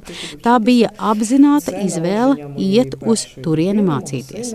Mana pirmā bērna piedzimšana, mana dēla piedzimšana, man tas bija liels satraukums, jo kopš padomju laikiem mēs parasti nedzirdam nekādus pozitīvus stāstus no mūsu mamām, tāpēc man bija svarīgi kaut kā sagatavoties dzemdībām, lai vairāk iedziļinātos šajā tēmā. Un tad, kad es dzemdēju un viss notika tā, kā es gribēju, es sapratu, sapratu, cik svarīgi ir iegūt nepieciešamās zināšanas un atbalstu šajā ceļā. Un tā mana dzīve mainījās, un jau 17 gadus vadu kursus grūtniecēm un pāriem, pavadu dzemdībās un vadu apmācības šīs jomas speciālistiem. Un te jāsaka, ka tā nav tikai psiholoģija. Tā ir tāda diezgan jauna profesija ar nosaukumu dūla. Daudzi šo vārdu pat nav dzirdējuši. Daži ir dzirdējuši, bet īsti nesaprot, ko tas nozīmē. Tas nav medicīnas darbinieks. Tas ir, varētu teikt, profesionāls partneris dzemdību laikā, kas palīdz sievietei vai pārim ar informāciju, proti, sniedz vairāk informācijas par to, kas var notikt, lai sieviete dzemdībās varētu pieņemt pārdomātus lēmumus. Arī atbalsta emocionāli un sniedz praktisku palīdzību. Ar to es domāju, ka dzemdību laikā tā var būt masāža, elpošana vai kādas pozīcijas. Arī pavisam vienkāršas lietas, piemēram, tēja kafijas pagatavošana vai palīdzība sievietei apģērbties. Proti, ka viņa jūtas ērti, viņai ir atbalsts, jo šī ir diena, kuru viņa atcerēsies visu savu dzīvi. Un tas ir tas resurs, pozitīvs veids, kā pārdzīvot dzemdības, un tas ir resurss, kas palīdz viņai kā mātei vēlāk. Tāpēc uzskatu, ka šī man ir diezgan svarīga dzīves sfēra un svarīga profesija. Un tas, ko es gribēju teikt, ir tas, ka šī profesija attīstās citās valstīs. Kad biju Dnipro, tas bija Semitsvit centrs, kurā strādāja mani kolēģi, kā arī dūlas. Un mēs kā organizācija esam daļa no Eiropas dūlu tīkla. Pirms kara, pirms Covid, mums bija tradicionālās tikšanās reize gadā, kur pulcējās ap simt speciālistu pārunājām dažādus aktuālus jautājumus. Kāpēc es to aktualizēju tagad? Jo patiesībā, kad sākās karš, tas bija tik milzīgs atbalsts, jo pārsvarā, protams, aizbrauca sievietes un bērni, aizbrauca daudz grūtnieču, un viņas nokļuva jaunās valstīs, kur nezināja valodu, kur viņām nebija radinieku, nebija atbalsta, nevienu nepazina. Un bija ļoti svarīgi izveidot šo atbalstu. Un šis dūlu tīkls, kas ir daudzās, nu gandrīz visās Eiropas valstīs, ļāva mums sniegt šādu atbalstu. Mani uzrunāja daudzas sievietes, kuras bija devušās uz dažādām valstīm jo patiesībā grūtniece jau ir neaizsargātākā, un šeit vēl ir pievienots karš, nemieris, raizes, pazīstamas vides trūkums. Un tāpat Mīnhenē, godīgi sakot, es negaidīju, ka ierodoties būs tik liela vajadzība pēc šāda atbalsta sievietēm. Atsaucās arī sievietes no Mīnhenes un izrādījās, ka bijām pat uz kopīgām sanāksmēm, bet kaut kā nebijām tikušās. Un viņa man teica, ka ir pat programma Mīnhenē, kas palīdz ar šādu dūlu atbalstu, nodrošina bēgļu sievietēm atbalstu. Un izrādījās, ka šajā programmā ir arī ukraiņu sievietes, un es sāku sadarboties ar šo programmu. Dažreiz sievietes pašas pie manis vērsās, vai arī man zvanīja no šīs programmas un teica, ka šajā bēgļu nometnē vai šajā viesnīcā, kur dzīvo bēgļi, ir sievietes, kurām tagad ir vajadzīga šāda palīdzība. Ir piemēram vienkārši jāaiziet pie ārsta, jo ne visi zina, teiksim, vācu valodu un arī angļu valodu. Par laimi, ārstis šeit sazinās angļu valodā, un pirmajās dienās es palīdzēju šīm sievietēm ar tulkošanu. Atceros vienu no pirmajām šādām vizītēm pie ārsta, kad man iedeva adresi, kur šie sieviete dzīvo viesnīcā, kur ukraiņu bēgļiem bija atvēlēts vesels stāvs. Es atnācu pie viņas, un viņa saka, ja nebūtu tevis, es nekur nebūtu gājusi. Es nezinu, kā šeit orientēties. Respektīvi, viņa bija tādā zināmā mērā bezpalīdzīgā stāvoklī un īsti nesaprata, kā atrast adresi, kā to visu izdarīt. Tā nu mēs devāmies uz turieni ar viņu, un pa ceļam viņa arī stāstīja, kā viņa brauca uz Minheni, ka tas bija ļoti grūts ceļš, ļoti ilgs laiks, ka viņa autobusā kritusi, jo stāvēja kājās un satraucās par savu bērnu. Tāpēc, protams, bija labi aiziet pie ārsta, lai visu pārbaudītu, un viņa jutās atvieglota, ka mazulim viss kārtībā. Nu, es arī pavadu sievietes dzemdībās, jo tur ir tāpat. Šeit ārsti ir pieraduši daudz komunicēt ar sievietēm, un tāpēc viņiem ir ļoti svarīgi, ka ir šāda komunikācija. Un pat es atceros, ka bija tāda situācija, ka biju vienā no klīnikām ar sievieti. Pie manis pienāca ārsts un lūdza pieiet pie citas sievietes, jo viņai vajadzēja kaut kā ar viņu sazināties. Un ar viņu nebija neviena tulka. Un pēc tam abas sievietes dzemdēja tajā pašā dienā un arī izrakstījās tajā pašā dienā, un es tulkoju abām izrakstus, ko man ārsts deva.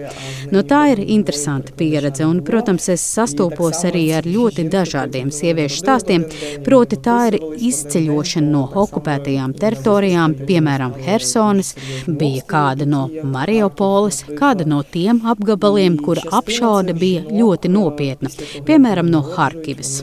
Un dažas no šīm sievietēm pēc dzemdībām atgriežas Ukrainā.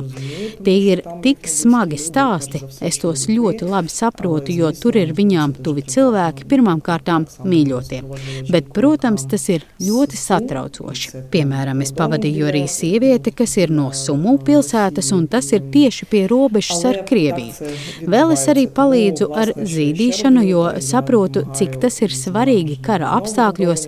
Var nebūt maisījuma, tīra ūdens un vēl kaut kas. Tāpēc dažreiz tas ir tikai izdzīvošanas jautājums.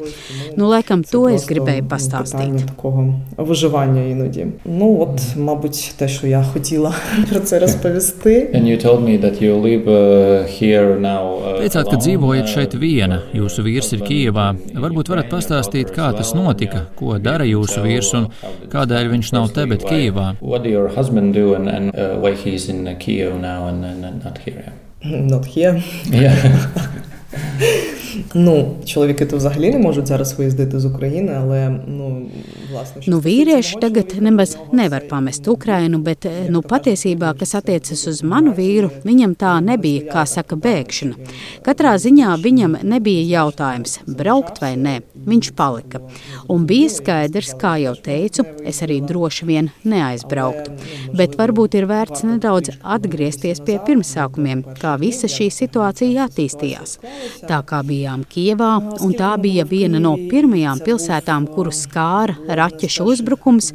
Protams, radās daudz jautājumu, ko darīt, jo īpaši tāpēc, ka pirmajā dienā lasījām ziņas par karaspēku desantu Hostomeļā, kas atrodas ļoti tuvu Kievai, un nebija pilnīgi skaidrs, kas notiks tuvākajās dienās.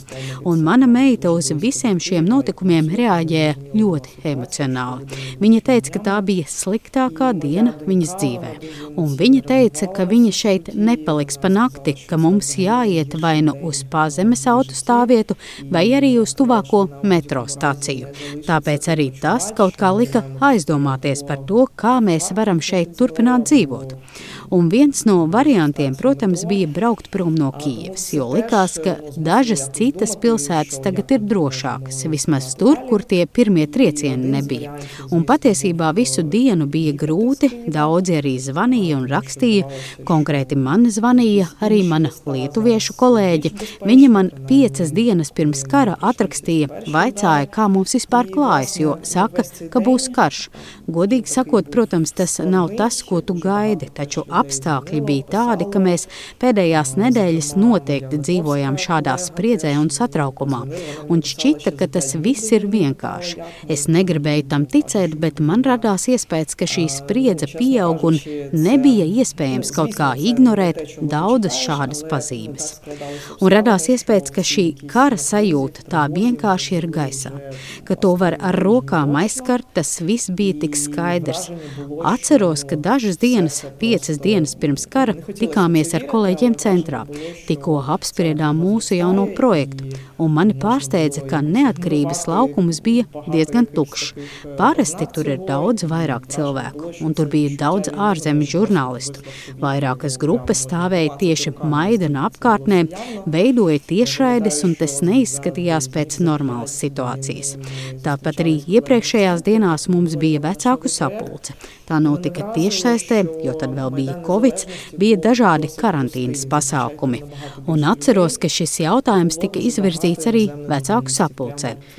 Un kas notiks, ja šis karš sāksies, kad bērni būs skolā? Un atbilde, ko dzirdēja visi vecāki, bija, ka skolā ir bumbu patvērtne. Bet tā ir ļoti maza, tur brauks tikai jaunākie bērni, pirmās klases.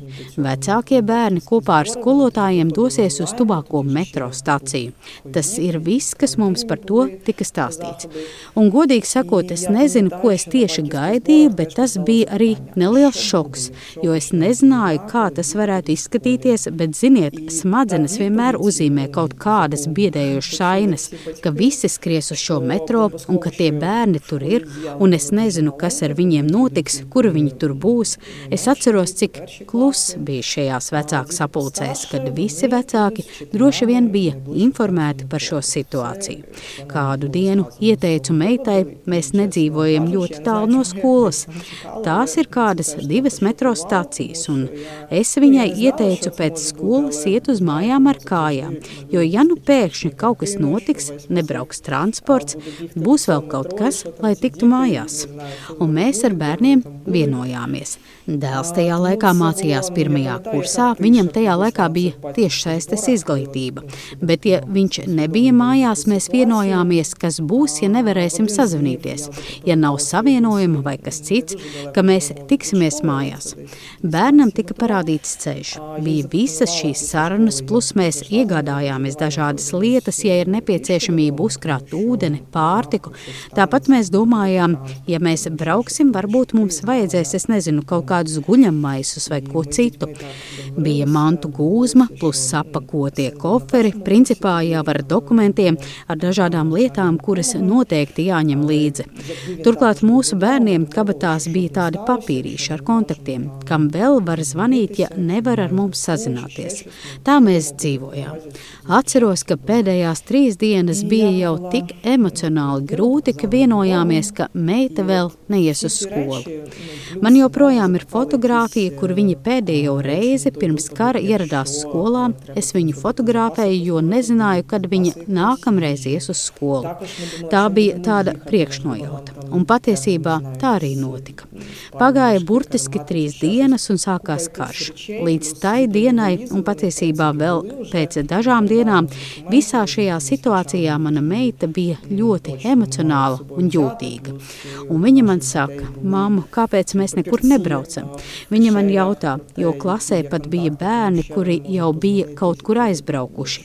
Bija cilvēki, kas vienkārši aizbrauca uz šī satraukuma pamata, un es nezināju, ko viņai atbildēt. Un skaidrs, ka es viņu kaut kā nomierināju. Lai arī asaras saskrēja acīs, es viņai to neizrādīju. Un es pie sevis nodomāju. Es nezinu, vai es tiešām daru pietiekami daudz, lai aizsargātu savus bērnus. Nu, kad patiesībā viss sākās, viņi atkal uzdeva šos jautājumus, kā vislabāk rīkoties šajā situācijā. Pa dienu dzirdējām vēl sprādzienus, kaut kur ap pulksten 12, bet tas nebija ļoti tuvu, varbūt brovaros. Tad mums pārlidoja militārā lidmašīna. Tas bija ļoti skaļi, neko tādu nebija dzirdējusi. Mēs visi sanācām kopā un skrējām ārā. Stāvējām uz ielas, skatījāmies, kā kāds sakravām mašīnu, kāds aizlīmē logus, lai kaut kā tie nesaplīst, ja nu vēl apšaude un sprādzieni. Un sākām vairāk uztraukties par to, ka iespējams arī mums labāk vajadzētu doties, jo īpaši tāpēc, ka darbs manam vīram piedāvāja viesnīcu Hmeņģickā, kur mēs varētu nakšņot. Kā es saku, mans bērns kategoriski atteicās nakšņot mājās, tad izdomājām, ka varbūt labāks variants būtu aizbraukt no pilsētas. Bet šis lēmums aizņēma veselu dienu, un kaut kā ilgi to apspriedām. Atceros, ka sēdējām ar bērniem virtuvē un ieteicām katram pateikt, ko viņš domā par šo situāciju, kā mums būtu labāk kā ģimenei. Tā kā bija jau vakars, vīrs ieteica, ka varbūt labāk pagaidīt.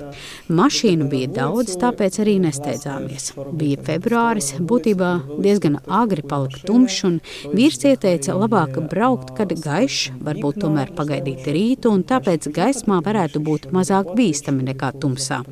Un tā mēs visi to apspriedām, katrs izteica savu viedokli. Patiesībā man bija pretēja sajūta, ka labāk braukt jo ātrāk, jo labāk, jo es nezinu, kas būs no rīta.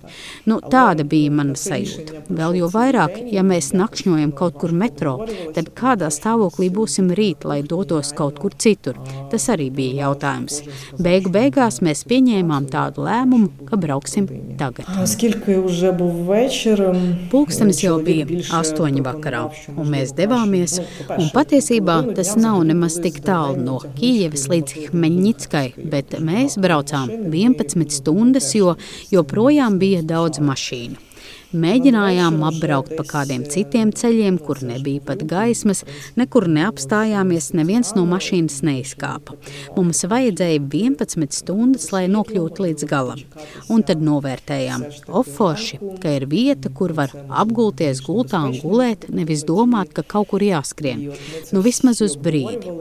Nākamajā dienā jau nolēmām, ka arī šeit nav jēgas palikt, un nolēmām doties uz Ukrainas rietumiem. Arī uz turieni dienu braucām gandrīz dienu, jo mašīnu bija daudz. Gandrīz visu nakti bija rinda pie Mukačevo pilsētas. Tur viss virzījās ļoti lēni, jo visas mašīnas tika pārbaudītas. Tad, kamēr mēs braucām, es rezervēju nelielu istabiņu viesnīcā. Mēs tur palikām dažas dienas, un tad mūsu paziņas mums piedāvāja dzīvokli Užgorodā, un mēs tur aizbraucām. Patiesībā mēs tur dzīvojām divas nedēļas, kamēr izlēmām, ko darīt tālāk. Jo, godīgi sakot, izbraucot no Kijevas, neviens nedomāja, ka tas būs uz mēnešiem vai pat gadiem. Domājām, kādu laiciņu kaut kur paliksim, tad iespējams viss kaut kā nokārtosies, atgriezīsimies mājās, un nebijām arī neko daudz paņēmuši līdzi. Taču bija pagājušas jau trīs nedēļas, un bija skaidrs, ka nekas ātri nenotiks, un situācija ir tālu no atrisinājuma, un nav skaidrs, ko darīt tālāk. Nu, teiksim tā, vīram bija skaidrs, ka viņš kaut kādā veidā arī turpmāk būs sasaistīts ar bruņotajiem spēkiem. Un radās jautājums, ko darīsim mēs. Un mēs nonācām līdz tam, ka viņš teica, ka jums iespējams labāk tomēr doties uz ārzemēm, jo es nevarēšu jūs aizsargāt. Un tāpēc šī doma, kas sākumā likās pavisam nereāla, kad pārcēlāmies tikai uz Užgorodu, dzīvojām netālu no robežas un redzējām, kāda tur ir liela cilvēku plūsma. Toreiz man nebija nejausmas, ka mēs pievienosimies šai plūsmai. Un tā ir tik liela pateicība draugiem, paziņām, pat nevienmēr tuviem paziņām, kuri burtiski jau no pirmajām dienām piedāvāja, ja vajadzēs braukt, varat palikt pie mums. Tā piemēram, mana draudzene, kura dzīvo ASV, teica, ka viņai Vācijā ir labi draugi un viņi ir gatavi uzņemt kādu no mūsu radiem vai draugiem. Atceros, ka pirmo reizi lasot šo ziņu, es, protams, pateicos viņai, bet teicu, ka tas nav priekš manis, un tas bija kaut kas, kam es pat nepievērsu uzmanību. Bet, kad radās jautājums, kad bija jau nolēmts, ka brauksim, bet nebija skaidrs, kur, tad, protams, sāku pārskatīt visus savus ēpastus, lai redzētu, kādi mums ir varianti. Un tā sanāca, ka devāmies uz vietu, kuru šī draudzene ieteica. Mūs uzņēma daži neticami brīnišķīgi cilvēki. Tas ir tikai kaut kas tāds, ko ir grūti iedomāties. Man nevienmēr šķiet, ka pat tuvinieki pret saviem mīļajiem izturas ar tik absolūti lielu vēlmi palīdzēt. Vienkārši es nezinu, man nevienmēr saskrien asaras, bet dažreiz man tās ir grūti noturēt, jo ir tik daudz labu cilvēku pasaulē, par kuriem nenojautu. Un šī situācija tā kaut kā vienoja cilvēkus ne tikai Ukrainā, bet arī ap Ukrainu. Un tas bija ļoti nopietns atbalsts. Jūsu vīrs atgriezās Kijavā un pievienojās armijai, bet saprotu, ka viņš nav frontē, bet palīdz citādā veidā armijai. Varbūt varat pastāstīt, kā? Īsti nē, nu, labi, es saprotu, bet uh, skaidrs laikam ir tas, ka tas brīdis, kad viņam nācās braukt atpakaļ, jums bija grūts, vai ne? Nu, tak, Jā, tas bija ļoti smags lēmums. Tas, ka mēs nebūsim kopā un neviens nezināja, kad būsim kopā, kas notiks tālāk. Bija marta vidus, kad nolēmām, ka šādi šo visu risināsim. Viņa draugi armijā jau veica noteiktus uzdevumus, un tas bija Ļvivā. Viņš plānoja viņiem pievienoties. Tāpēc plāns bija tāds, ka mēs no Užgorodas dosimies uz ārzemēm, un viņš pārcelsies uz Ļvivu. Vēlāk viņš pārcēlās uz Kijevu, bet arī šajā brīdī, kad bija jādodas prom uz robežas, tāda satraukuma nebija. Šis pirmais vilnis jau bija pārgājis. Mums bija automašīna, ar kuru mēs tur nokļuvām. Man nebija vajadzības ar to bieži braukt Kievā.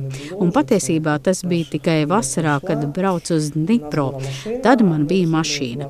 Es nekad nebiju braukusi pie stūres Eiropā. Un tas viss kaut kā likās, es nezinu, liels piedzīvojums, kā tas viss izvērtīsies. Bet sapratām, ka labākais variants ir braukt ar automašīnu, jo tad mēs varam paņemt visas savas lietas. Mans dēls man ļoti palīdzēja palīdzēja kā stūrmanis. Izklāstīja man maršrutu, aptuveni sapratām, kur pa ceļam nakšņosim. Sasniedzām tālāko punktu, ko bijām plānojuši. Tie bija 650 km, un principā viss gāja labi. Arī robežu labi pārbraucām. Toreiz tā bija tāda, nezinu, jauna sajūta, ka ir pagājušas trīs kara nedēļas, un mēs jau esam aizmirsuši, kā izskatās mierīgas debesis. Jo Kijevā ļoti bieži varēja redzēt lidmašīnas virs galvas, bet sākoties karam, civilo lidmašīnu, protams, nebija. Un, kad šķērsojām robežu ar Slovākiju, pirmais, kas mūs pārsteidza, bija šīs debesis ar lidmašīnas svītrām. Un mana meita, atceros, kamēr mēs braucām, viņa visu laiku skatījās debesīs, skaitīja šīs lidmašīnas, un tā bija kā mierīgas dzīves zīme. Es atceros, ka vēlāk uz robežas ar Eiropas Savienību tā bija, manuprāt, Austrija. Un šie policisti, vai es nezinu, kas viņi bija, tur sākās maksas ceļi, un viņi norādīja mašīnām ar Ukrainas numurzīmēm, lai nobrauc malā. Viena mašīna pirms mums nobrauca malā, tad arī mums parādīja nobraukt. Un viņš prasīja, kur mēs braucam, un tad viņš teica, lai mēs braucam tālāk. Un es atceros šo brīdi, ka jā, tas ir kaut kāds atbalsts, nav jāstāv rindā, jāmaksā un tā tālāk. Bet es aizbraucu un man vienkārši tek asaras, jo tu saproti, cik slikti ir un viss notiek tā, ka tu saproti, ka tas nav uz labu. тому що ну ти ну, розумієш, так. наскільки все погано. Якщо так це все відбувається, то ти розумієш, що ну, це не добре. Kāda bija attieksme pirmajās nedēļās no vāciešiem? Vai tie bija uzņemoši, vai attieksme varbūt bija augsta? Ну, багато ж людей виїздили взагалі не розуміючи, куди вони їдуть. так? І... Daudzi cilvēki izbrauca nesaprotot, kurp dodas. Bija dažas nometnes, kur viņus sūtīja, un tad tur bija kaut kāda sadalīšana. Man bija bažas, kā mums te būs šādos apstākļos, tāpēc meklēju kādu variantu, lai skaidri saprastu, kur nokļūsim pie kādiem cilvēkiem. Un sākumā mēs daudz ar vāciešiem nesazinājāmies, izņemot ar šo ģimeni, pie kuras mēs atbraucām. Un viņi, kā jau teicu, mūs ļoti sirsnīgi uzņēma. Un pat viņu radinieki pievienojās palīdzēt, jo, kā jau teicu, kad mēs toreiz braucām prom no Kijevas, mums nebija daudz lietu un bija jau marts. Mēs izbraucām februārī, un mums bija tikai ziemas lietas. Patiesībā manai meitai bija zābaki, viņai pat nebija vienkāršu apavu. Atceros, ka šai sievietei, pie kuras atbraucām, vecāki teica, ka nopirks apavus. Ziniet, viņi par viņu rūpējās tāpat kā mūsu pašu vecāki.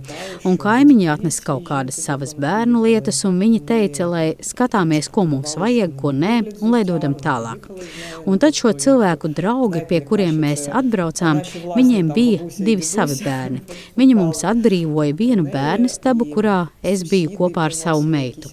Un bija vēl viena puspagraba telpa, bet mans dēls bija laimīgs, ka tur atradās, jo varēja būt atsevišķi.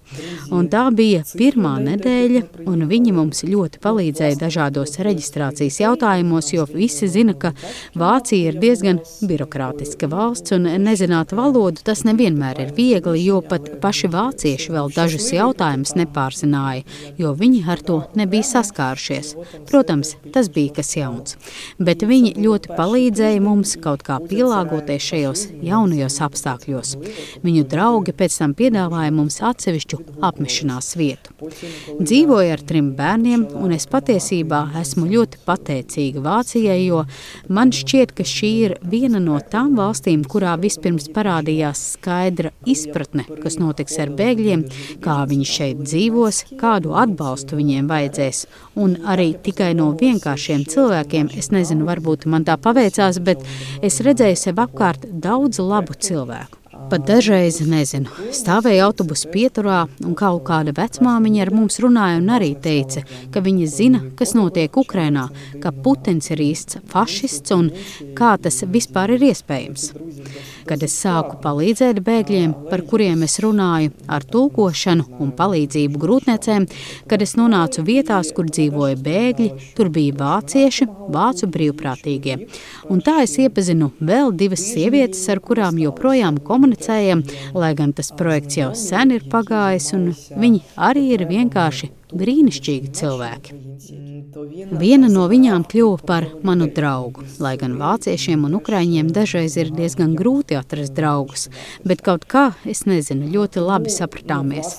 Es biju ļoti patīkami pārsteigta par cilvēku sniegto atbalstu. Ja likās, ka poļi sākumā uzņēma vislielāko bēgļu skaitu, un tas varbūt bija saprotamāk, tur valoda ir tuvāka, pašām tautām ir kāda kopīga vēsture, bet biju pārsteigta. Es neko daudz nezināju par vāciešiem, neskatoties uz to, ka mēs ar vīru bieži kaut kur braucām, bet nebijām bijuši Vācijā. Un tas man bija tāds atklājums, cik ļoti tomēr ir stereotipisks priekšstats par vāciešiem. Vai varbūt tas, ka šī tomēr ir Bavārija, nospēlēja savu lomu un te ir mazliet sava mentalitāte. Taču mani iespaidoja tas, cik viņi ir atvērti un gatavi palīdzēt cilvēkiem. Людей готових допомогти, я тут зустріла. And the first months or even year or more Un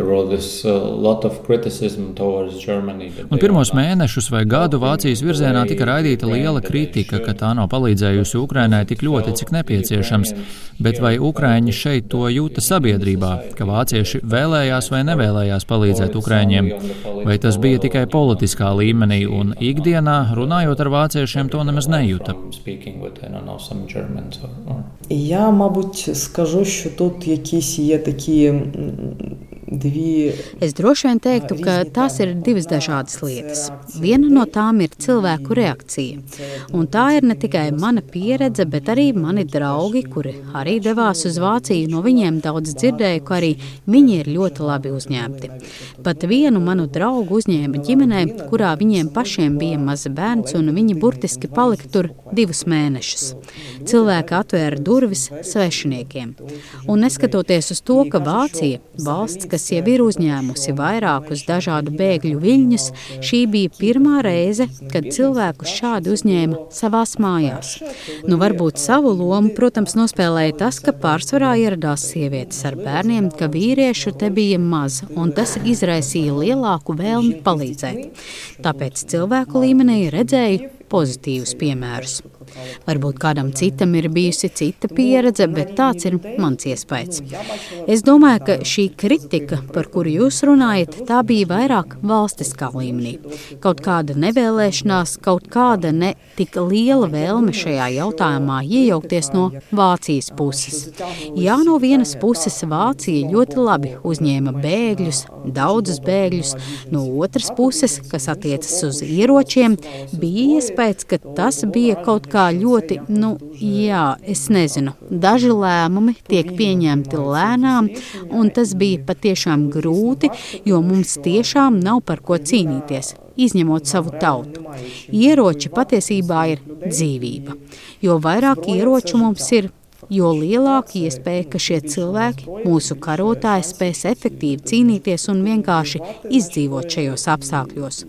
Un tāpēc visas šāda veida kavēšanās tika uztvērtas ar grūtībām, jo mēs sapratām šo kavēšanās cenu. Tāpat, starp citu, mani pārsteidza Ukrāņu diaspora Minhenē. Cilvēki, kuri šeit dzīvojuši ilgu laiku, arī pirms kara ļoti aktīvi piedalījās mītiņos, atgādināja varas iestādēm, ka ir ukrāņi, kuriem ir tādas un tādas vajadzības, un akcijas notiek regulāri. Manuprāt, ir ļoti svarīgi par to runāt. Un šajās akcijās vairāk nekā vienu reizi cilvēki vienkārši vērsās pie mums no dažādām valstīm, un viņi kaut ko jautā. Viņi arī runā par savu atbalstu Ukrainai. Šajos pasākumos savācām dažas nepieciešamās lietas, kuras tiek nodotas gan slimnīcai, gan cilvēkiem frontē. Un arī dažreiz šīs demonstrācijas un pasākumi tiek organizēti kaut kādu pasākumu laikā, piemēram, drošības konferences laikā, kas notiek Mīnhenē. Un man gribas ticēt, ka kaut kas mainās, jo nu, vismaz nesen Šolca vizīte Amerikas Savienotajās valstīs, kur arī šis jautājums tika aktualizēts, jo tagad Amerika bremzē ar palīdzību. Un es domāju, ka tā ir laba zīme, ka viņš cenšas pārliecināt viņus kaut kā mainīt šo politiku un runā par to, kā galu galā Vācija uzņemsies aktīvu lomu pat, ja ASV nepievienosies šai palīdzībai, lai gan es ceru, ka tā nebūs. Es nezinu, varbūt tas prasa vairāk laika, bet tas ir grūti. Ir grūti izturēt, kad patiešām nav efektīvi ieroči un cilvēki tikai maksā ar savu dzīvību. Uh, Saprotu, ka mācāties vācu valodu un vēlos jautāt, kādēļ to darāt. Tādēļ, ka domājat, ka paliksiet ilgu laiku, vai ir arī kāds cits iemesls?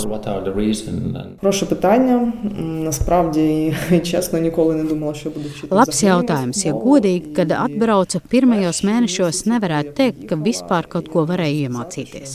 Es mēģināju iemācīties dažus elementārus vārdus, bet eh, es tos vienkārši aizmirsu. Tie vienkārši izkrita no galvas.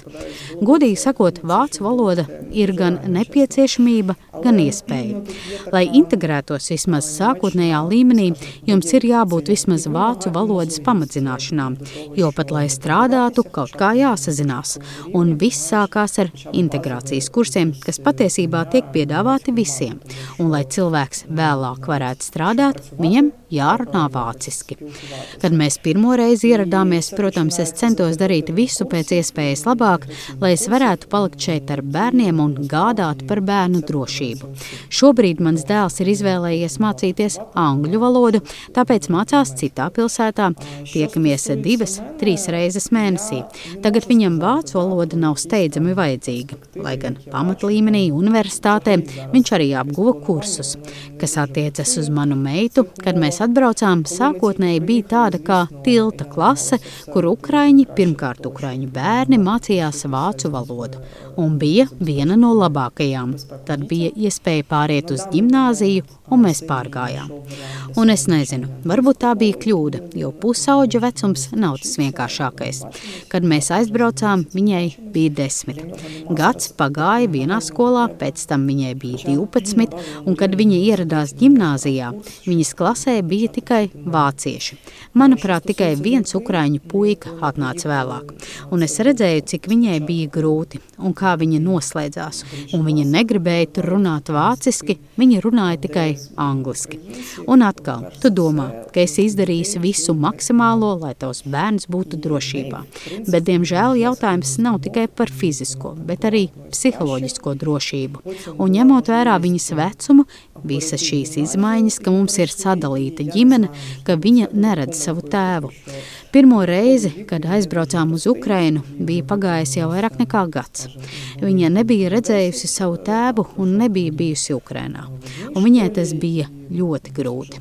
Un es pat neapzinājos, cik grūti viņai bija. Bet pēc pusotra gada šeit, Vācijā, mēs pieņēmām lēmumu, ka viņa dosies uz Ukrajinu un pagaidām paliks tur. Jo tas viņai tiešām bija labākais lēmums. Un es saprotu, ka par to maz runā, ar ko saskaras bērni ārzemēs un cik tas ir grūti. Un jā, mēs upurējam viņas drošību no vienas puses, jo Ukraina ir nemierīga un ir dažādas nopietnas apšaudes un bieži ir trauksmes. Un tagad savā skolā viņi mācās vienu nedēļu tiešsaistē, vienu nedēļu klātienē, lai nodrošinātu bērnu skaitu, kas var, kas var satilpt bumbu patvērtnē, jo trauksmes ir diezgan bieži. Bet tika pārkārtot arī viņas istaba, lai pēc iespējas vairāk aizvirzītu prom no logiem. Nu, ir tādas naktis, kad nākas nakšņot gaitenī, protams, nereizi vien. Bet tajā pašā laikā viņa ir ļoti priecīga, ka atrodas tieši savā istabā, tieši Kijevā, dodas uz savu skolu un ir atgriezusies pie draugiem. Es saprotu, ka viens no galvenajiem punktiem, neskatoties uz to, ka viņai šeit it kā bija labas paziņas, bet šī visa kopuma, kas ir tik svarīgs pusauģu gados, viņai tā ļoti pietrūka. Un man šī ir ļoti grūta situācija, jo jebkurā gadījumā viens no maniem bērniem tik un tā paliek Vācijā. Un ja es aizbraukšu, viņš paliks šeit pilnīgi viens. Šeit nav radu vai draugu. No otras puses es redzu, ka varu kaut ko noderīgu izdarīt šeit un tagad. Un patiesībā, atgriežoties pie jautājuma par valodu, lai es varētu strādāt savā profesijā un kādā jomā, kas saistīta ar palīdzību cilvēkiem, man ir vajadzīga laba vācu valoda. Līdz ar to, jā, kamēr šī iespēja pastāv, es tiešām cenšos to izmantot maksimāli. Tagad esmu pabeigusi B2 kursu un sākšu vēl vienu kursu. Man nav ne jausmas, kā tas viss izvērtīsies, bet es mēģināšu. Tas viss vismaz paaugstinās manu vācu valodas līmeni, un es vēlos apgūt šo kursu tiešsaistē un apvienot to ar praksi skolā, lai būtu arī lielāka runas prakse. Un es šo situāciju redzu tā, ka es šeit tagad varu izdarīt vairāk nekā Ukrainā, jo no Kievas daudzi mani kolēģi aizbrauca un tās lietas, ar kurām nodarbojos, man tagad jaunajos apstākļos tās būtu diezgan grūti atjaunot. Es nezinu, cik tas ir reāli, bet galvenais, kas man šeit notur, ir tas, ka kamēr esmu šeit, tā paliek kā droša vieta, uz kuru es jebkurā laikā varu atvest savu meitu. Un mums tas arī ir tāds kopīgs lēmums ar vīru, ko uzskatām par svarīgu un pagaidām drošības situācija, diemžēl, ir ļoti tālu no miera un uzvaras stāvokļa. Tāpēc pagaidām ir tā. Uz cik ilgu laiku tā ir, nevar pateikt. Un kā iesaka arī mans psihologs, mūsu smadzenēm ir lietderīgāk domāt kaut kādos ierobežotos intervalos. Nākamie seši mēneši būs tādi, nākamais gads būs tāds, kas notiks tālāk, kādi būs apstākļi, kādas būs vajadzības, to es nevaru pateikt. Потреби, яка буде необхідність, я не можу про це сказати. Un pirms intervijas vienojāmies, ka runāsiet ukrāņu valodā, jo nevēlaties runāt krievu valodā. Arī vairāki citi cilvēki, kurus esam intervējuši, nav vēlējušies runāt krieviski. Bet kāds ir jūsu personīgais iemesls, kādēļ to nevēlaties un kādēļ arvien vairāk ukrāņu to nevēlas darīt? Ko jums simbolizē krievu valoda? Es pieņemu kaut ko sliktu un tādēļ nevēlaties runāt krievu valodā. Prošu pitaņu. Насправді, якщо так трішки Labs jautājums. Patiesībā, ja atgriežamies nedaudz atpakaļ, esmu no Dnipro, un šis reģions bija vairāk krievalodīgs. Es nezinu, kā tur ir tagad, pēdējo gadu, divus. Diemžēl neesmu bijusi tur kopš kara sākuma. Bet manā ģimenē ar manu mammu un tēvu mēs vienmēr runājām ukraiņu valodā. Vienkārši tajā laikā, kad es mācījos, mums Dnipro pat nebija ukraiņu skolu. Nu, varbūt tāda bija otrā pilsētas malā, tāpēc mana vide bija krievalodīga. Tā dzīvojot, tu pierodi arī sazināties krieviski, lai gan skaidrs, ka ukraiņu valodā tu vari runāt ne tikai mājās. Mana māte vispirms strādāja vietā, kas bija saistīta ar raķešu inženieriju. Pēc tam viņa sāka mācīt universitātē, un kopš tā laika viņa pamatā visur runāja ukraiņu valodā. Un tas bija zināms izaicinājums, tāpēc, ka cilvēki cilvēki ir tik ļoti pieraduši pie krievu valodas vides. Un bieži varēja dzirdēt kaut ko tādu nievājošu, piemēram, runājiet normāli un kaut ko tādā garā. Kad ieradāmies Kijavā, bija ļoti viegli kaut kā pāriet uz ukrāņu valodu. Tur ir vairāk ukrāņu valodā runājošu cilvēku, bet mūsu ģimenē mēs sazinājāmies krieviski. Tā tas bija. Un tad šie nesenie notikumi, kas ir notikuši, manuprāt, ir mainījuši ļoti daudzu cilvēku apziņu. Patiesībā mans vīrs pārgāja uz ukrāņu valodu, daži mani draugi arī pārgāja uz ukrāņu valodu, lai gan bija pilnīgi krieviski runājoši.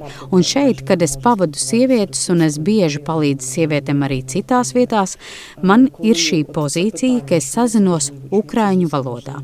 Es neprasu, lai cilvēki cilvēki ar mani sazinātos ukraiņu valodā.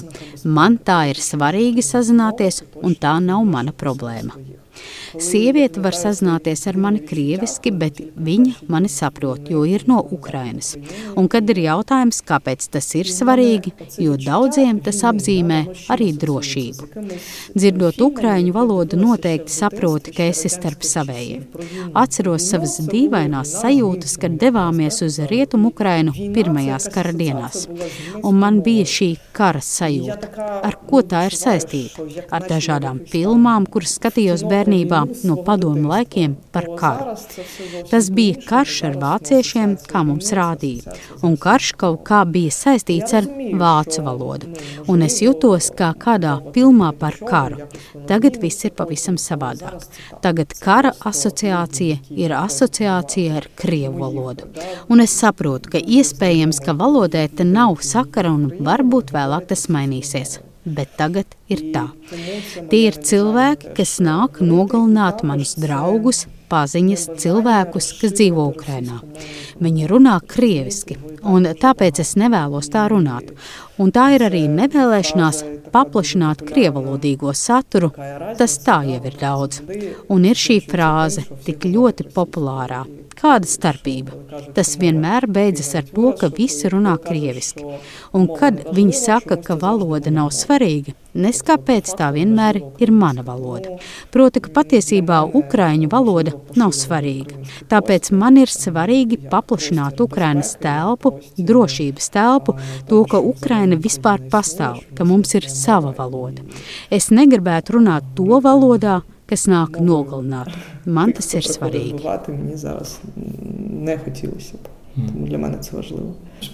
About, uh, Germans, that, uh, Vai jums šķiet, ka vācieši domā, ka Ukrainā notiekošais ir kaut kas tālu no šīs valsts? Protams, kā jau teicāt, ir daudz vāciešu, kas dažādos veidos palīdz Ukraiņiem, bet vai viņi saprot, kas notiek netik tālu no viņiem? Lietuvā, Latvijā, Igaunijā, Polijā mēs runājam, ka saprotam, kas ir Krievija, ka tas ir tuvu, ka tas ir jāaptur, bet kā to redzat Vācijā? Varbūt runājot ar cilvēkiem, skatoties ziņas, izpratni, ka viņiem ir jāpalīdz Ukrāņiem. Я, чесно кажучи, думаю, що Ja godīgi, es domāju, ka to ir ļoti grūti saprast. Var nu kaut kā par to domāt, bet tieši sajust, manuprāt, tas nav īpaši iespējams. Jo pat es runājot par 2014. gadu, par to, kā mēs sastapāmies ar pirmajiem kolonistiem, es zināju daudz stāstus. Jā, mēs baidījāmies, ka rīt pie mums atnāks, bet tik un tā mēs tajā nedzīvojām. Pat tajā brīdī es nevarētu teikt, ka es sapratu tos cilvēkus, kuri atbrauca. Es nekad nevarēju iedomāties sevi viņu vietā, līdz nesākās pilna mēroga karš. Un tad jau mums bija jāsavāc mantas, jābrauc kaut kur, jādzīvo kaut kur jaunās vietās ar cilvēkiem, kurus nepazīstam. Un kad mēs, piemēram, ieradāmies Užgorodā un ar bērniem ienācām šajā dzīvoklī, bijām ar koferiem, kaimiņi mūs ieraudzīja, pievērsa uzmanību, pajautāja, no kurienes esam. Tā nu viena sieviete mums atnesa cepumus, banānus, ievārījumu, kas nu viņai bija, lai mūs sagaidītu. Un pirmo reizi es sajūtu sevi citā pozīcijā, kad nevis tu kaut ko centies darīt, bet pats esi tādā situācijā, kad cilvēki kaut kā mēģina tevi atbalstīt. Un tāpēc es gribu teikt, ka, lai arī cik daudz par to runātu, man šķiet, ka joprojām ir ļoti grūti to pilnībā izprast. Īpaši tad, kad esi vēl tālu no robežas robežas ar Krieviju. Un es nezinu, mēs arī par ļoti daudz konfliktiem skatāmies televīzijā, un mums tās bieži ir tikai kaut kādas ziņas televīzijā. Piemēram, tos pašus notikumus Gruzijā, kurus maz saprata. Es sapratu varbūt vairāk, jo man tante tur dzīvoja 20 gadus, un viņa man visu to stāstīja. Bet daudziem, pat ukraiņiem, tā nebija saprotama situācija, kamēr līdzīga situācija nesākās pie mums. Tāpēc man šķiet, ka atbraucot uz šejieni, jā, ir nedaudz grūti pieņemt, ka cilvēki vienkārši sēž kafejnīcās, iet uz restorāniem, viņiem ir normāla dzīve un nav sirēnu, nav apšaudas. Un jūs domājat, kā tas vispār var būt? Cik viņi ir gatavi kaut ko pieņemt?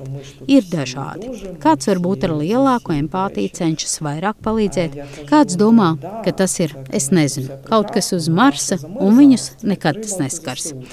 Jo kādam galvenais, lai ir miers. Jā, ir miers. Padomāsim, par kaut ko labu, par kaut ko pozitīvu. Un pat viens mans kolēģis man kaut ko tādu rakstīja jau burtiski pirms kara, ka mēs te visi esam draugi. Mēs visi, starp citu, esam no Krievijas. Un es saku, nu jā, protams, tas viss ir ļoti labi, bet šobrīd ir jāatbalsta Ukrainas bruņoties spēki, jo tā ir mūsu vienīgā cerība, ka mēs to izturēsim. Daudzi cilvēki ir tālu no tā un iespējams, iespējams uztver to kā kaut ko negatīvu vai kā lai citādi to pasaka. Um, piemēram, mana latviešu kolēģe toreiz rakstīja, viņu sauc Līga. Viņa saka, nu jā, es saprotu, laikam vajadzētu padomāt par kaut ko pozitīvu un labu un būt par mieru, bet es tik ļoti jūtu līdzi tam, kas notiek Ukrainā tagad, un es priecājos par katru armijas uzvaru, jo saprotu, ka patiesībā runa ir arī par mani, ka tas ir kā kopīgs karš. Tāpēc laikam piekrītu, ka varbūt cilvēki, kas labāk zina, uz ko Krievija ir spējīga, viņi vairāk atbalsta un jūt līdzi. Un citi cilvēki vienkārši viņiem nav nekā, ko par to just. Viņiem nav tik kopīgas vēstures un tik daudz piemēru, piemēram, tā pati buča. Kā to vispār varēja iedomāties? Tas ir šokējoši, bet tāda ir realitāte. Tāpēc mums, kad saka, ka nu varbūt vienosimies, bet par ko vienoties? Katra okupētā teritorija ir jāsaprot, ka tur vienkārši iznīcinās visus - vardarbība, spīdzināšana un nāve. Tāpēc tas, ko mēs varam darīt šajā situācijā, ir kaut kā mēģināt izdzīvot un glābt cilvēkus un teritorijas. Bet par to ir jācīnās ar ieročiem rokās. Tāpēc, jā, diemžēl ne visiem tas ir skaidrs, jo daudziem šis jautājums nav. Un viņi domā, ka ar viņiem tas nekad nenotiks, ka tas nav iespējams. And, and Un vēl viena lieta ir tā, ka cilvēki, kas dzīvo dažādās valstīs vai ir dažādas tautības, domā atšķirīgi par karu. Cilvēks, kas dzīvo Latvijā, to varbūt redz citādāk nekā cilvēks, kas dzīvo Vācijā, un cilvēks, kas dzīvo Ukrainā, vēl citādāk. Kaut gan arī tur ir dažādi cilvēki, kā minējāt. Bet ir ģimenes, kas ir sašķeltas ne to iemeslu dēļ, kā jūs, bet tādēļ, ka viena puse atbalsta Ukrainu, otra Krieviju un šie cilvēki vairs nespēja pat savā starpā sazināties. Ну, якщо говорити про те, що дійсно у багатьох українців були якісь lielai daļai ukrāņu bija draugi vai radi Krievijā, bet man šķiet, ka ļoti maz no šīm saiknēm kaut kā saglabājās. Tālāka komunikācija ir vienkārši neiespējama, jo cilvēki tur dzīvo absolūti savā pasaulē. Man ir māsīca, kas dzīvo Maskavā. Viņa pārcēlās ilgi pirms visiem šiem notikumiem, bet es neesmu ar viņu runājusi kopš 2014. gada, kad tika notriekts Malaisijas Boeing. Un kad viņa man sāka stāstīt, ka tajā lidmašīnā jau lidojuši līķi, es sapratu, ka mums vairs nav par ko runāt. Vienkārši šis cilvēks ir absolūti Es nezinu, par ko runāt tālāk. Mans brālēns izturēja nedaudz ilgāk, jo viņam gal galā tā ir māsa. Viņš 2014. gadā jau bija bruņotajos spēkos un kaut kā joprojām mēģināja ar viņu sazināties. Tagad viņam ir trīs bērni, un viņš nekaro. Varētu ar ģimeni doties uz ārzemēm, bet viņu principiālā nostāja ir palikt Ukrainā. Bet, cik es zinu, arī viņš vairs ar viņu nesazinās. Un es zinu, ka šādu stāstu ir daudz. Pat cilvēki, kuri ir etniski krievi, bet ilgus gadus dzīvo Ukrainā, es novēroju šo pārvērtību jau no 2013. gada. Pat tie cilvēki, kuri kaut kā prātā, man liekas, bija daļa no Krievijas, tas viņus ļoti pagrieza otrā virzienā. Viņi saprata, ka negrib to, kas tur notiek, īpaši tagad. Tādu stāstu ir daudz. Mana principiālā nostāja ir tāda, ka pēc 2014. gada es nekad neesmu devusies uz Krieviju. Pirms tam bija kaut kādi pasākumi un konferences. Es nepieļāvu iespēju braukt, man tā jau bija kā slēgta teritorija. Я не допускала такої можливості. Для мене це як закрита була вже територія, не знаю. Countries, uh, un vairākās Eiropas valstīs ir ne tikai ukrāņu sievietes un bērni, kas tur dzīvo, bet arī vīrieši, kuri dažādu iemeslu dēļ izbēga no armijas piemēram, arī ar kukuļošanas palīdzību. Un turpinās diskusijas par mobilizāciju, un izskanēja ideja iesaukt arī tos, kas atrodas ārzemēs. Vai ir arī sarunas šeit, Ukraiņu kopienā, piemēram, vai sievietes, kurām šeit ir vīri vai draugi, kuras ir satrauktas par to? Ну, якщо чесно, мені здається, це дуже малоймовірним, щоб якась мобілізація могла відбутися. Man šķiet ļoti maz ticams, ka kāda mobilizācija varētu notikt ārzemēs. Pirmkārt, mēs šeit runājam par demokrātijas principiem. Es domāju, cik es saprotu, šīs ir valstis, kas viņiem deva pajumti. Viņi nepiekritīs nevienai šādai rīcībai, piemēram, es nezinu, izdošanai. Nu, ko es varu te teikt? Jā, es uztraucos par saviem bērniem. Kad mēs aizbraucām, mans 17 gadus vecais dēls man bija tikai bērns, lai gan es zinu, ka dažreiz cīnās arī šajā vecumā. Bet es kā mamma to nemaz negribētu, bet es ļoti apzināti pieņēmu vīra izvēli aizstāvēt valsti. Un es nedomāju, ka varētu būt citādāk vismaz mūsu ģimenē. Un man ir pietiekami daudz paziņu, kas arī ir gājuši šo ceļu. Man ir grūti komentēt otru pusi. Man nav ne tuvinieku, ne radu vai neviena, kas būtu izbraucis un kurš būtu kaut kā saistīts ar šo tēmu. Можливо, цією темою якось зараз цікавиться.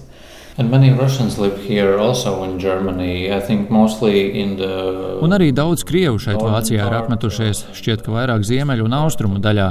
Jau iepriekšējos gadus, kad šeit braucu uz Minhenes drošības konferenci, ielās varēja dzirdēt nemazums krievisku runājošo.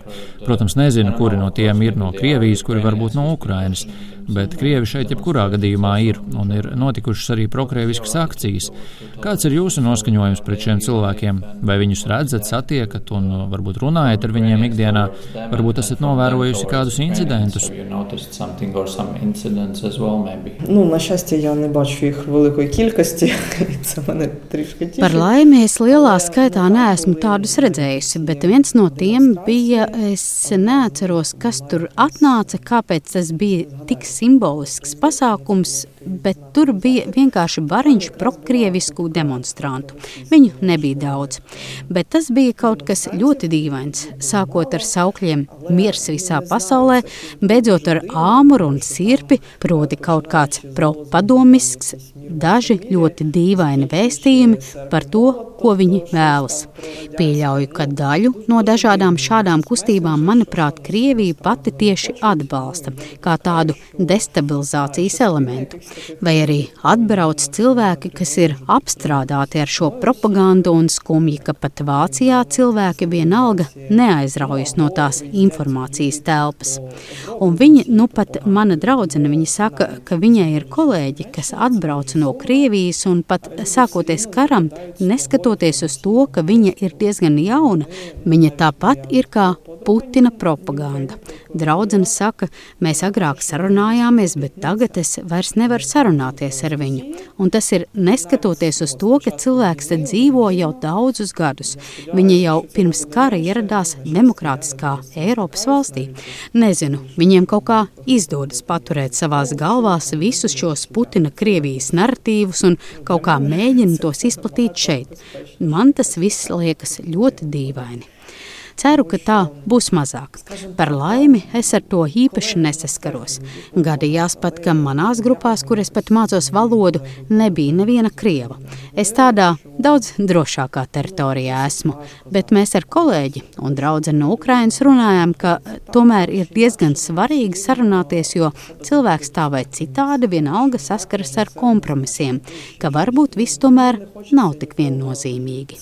Bija tas pirmais iespējams tāds vilnis, kad tad, kad 14. gadā, it īpaši, kad 22. gadā visi centās aizklauvēties, rakstīt, nu taču cilvēki, atveriet savas acis, patiesībā notiek tā bet tur ir tāda neizpratnes siena, ka man liekas, ka tā ir kaut kāda vispārēja tendence, ka visi vienkārši vairs nevēlas tam tērēt enerģiju, nevēlas būt kopējā telpā un viss. Liekas, ka ir ļoti maz cerība, ka kādu tur par kaut ko var pārliecināt, un tas nozīmē, ka diez vai mēs atradīsim kādus kopīgus punktus par visiem šiem jautājumiem точки да, в розумінні цих всіх питань, які відбуваються. Tas laikam ir interesanti, pat šķiet smieklīgi, ka viņi atbalsta Krieviju un to, ko tā dara Ukrainā, un arī tic, ka tas, ko dara rietumi, ir slikti, bet viņi tik un tā dodas uz Vāciju, tad dzīvo, bauda dzīvi, bet prātos tomēr dzīvo citā valstī. Це, це дуже дивно, дійсно, як вони самі не розуміють. Tas ir ļoti dīvaini, ka viņi paši nesaprot šo kognitīvo disonanci, bet kaut kā tomēr viņiem viņa izpaužas. Var runāt par to, cik slikti ir rietumi un to vērtības, bet tajā pašā laikā neskapēc dzīvot Vācijā, nevis Krievijā, kur viss ir tik skaisti. Es nezinu. Man personīgi to ir grūti saprast. Це важко зрозуміти мені особисто. So, last, uh, uh, Laikam esam nonākuši līdz pēdējiem jautājumam, ko parasti uzdodam ikvienam, kuru intervējam. Ko jums personīgi novēlēt? Ukrāņi, es noteikti pieļauju, kopumā noteikti vēlas mieru un uzvaru, bet ko jums personīgi varētu novēlēt? What can, and what can we wish to you as in that way? Я навіть не знаю. Перш за все, ну дійсно мені хочеться перемоги. Es pat nezinu. Pirmkārt, tiešām es gribu savai valstī uzvaru. Jo mums, manuprāt, ir skaidrs, ka šī ir tāda eksistenciāla, teiksim, krīze, ka mēs cenšamies izdzīvot. Jo pietiek paskatīties kartē, lai salīdzinātu Krievijas un Ukrainas izmērus. Un cik grūti ir stāties pretī tik liela mēroga valstī, kur ir pietiekami daudz cilvēku, kas cīnīsies. Jau īpaši tāpēc, ka šī lumpenizācija tur jau turpinās. Un daudziem došanās karā tā ir iespēja nopelnīt naudu. Tas ir ļoti skumji, bet objektīvi šo resursu joprojām ir daudz. Gan cilvēku, gan naudas, gan ieroču, visa. Un mēs saprotam, ka tas ir karš, lai iznīcinātu Ukrainu, ka tā ir nevis tieši Kijevas sagrābšana, bet ilgstošs, nogurdinošs karš ar mērķi vājināt Ukrainu un apšaubīt tās pastāvēšanu.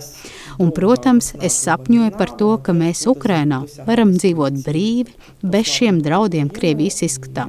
Jo jebkura tās apturēšana uz laiku, mēs saprotam, ka nekas nebeigsies, ka tas turpināsies. Tāpēc ideālā variantā ļoti gribētos, lai tāda valsts, kas dzīvo ar šīm idejām par kaut kādām teritorijām, vienkārši beigtu pastāvēt.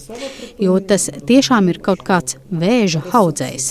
Mēs domājam, ka visi virzās uz demokrātiju un cilvēki varēs dzīvot mierā, civilizēti risināt visus jautājumus. Un te mēs redzam, es nezinu, kaut kādu viduslaiku arheismu, kas vienkārši ir gatavs visu visu aprīt, jo šeit ir daudz resursu, plus vēl šie kodolieroči. Un es saprotu, arī citās valstīs tas liek mazliet baidīties no sekām, ka pēkšņi kaut kas Putinam ienāks prātā un kaut ko vēl izdomās. Tāpēc ideālā gadījumā, jā, šai valstī iespējams vajadzētu izjukt un kļūt par kaut kādu demokrātiskāku veidojumu. Nu, es to gribētu, jo tikai tad, manuprāt, būs zināma pārliecība, ka šie draudi pašas Ukrainas vispārējai pastāvēšanai nepastāvēs.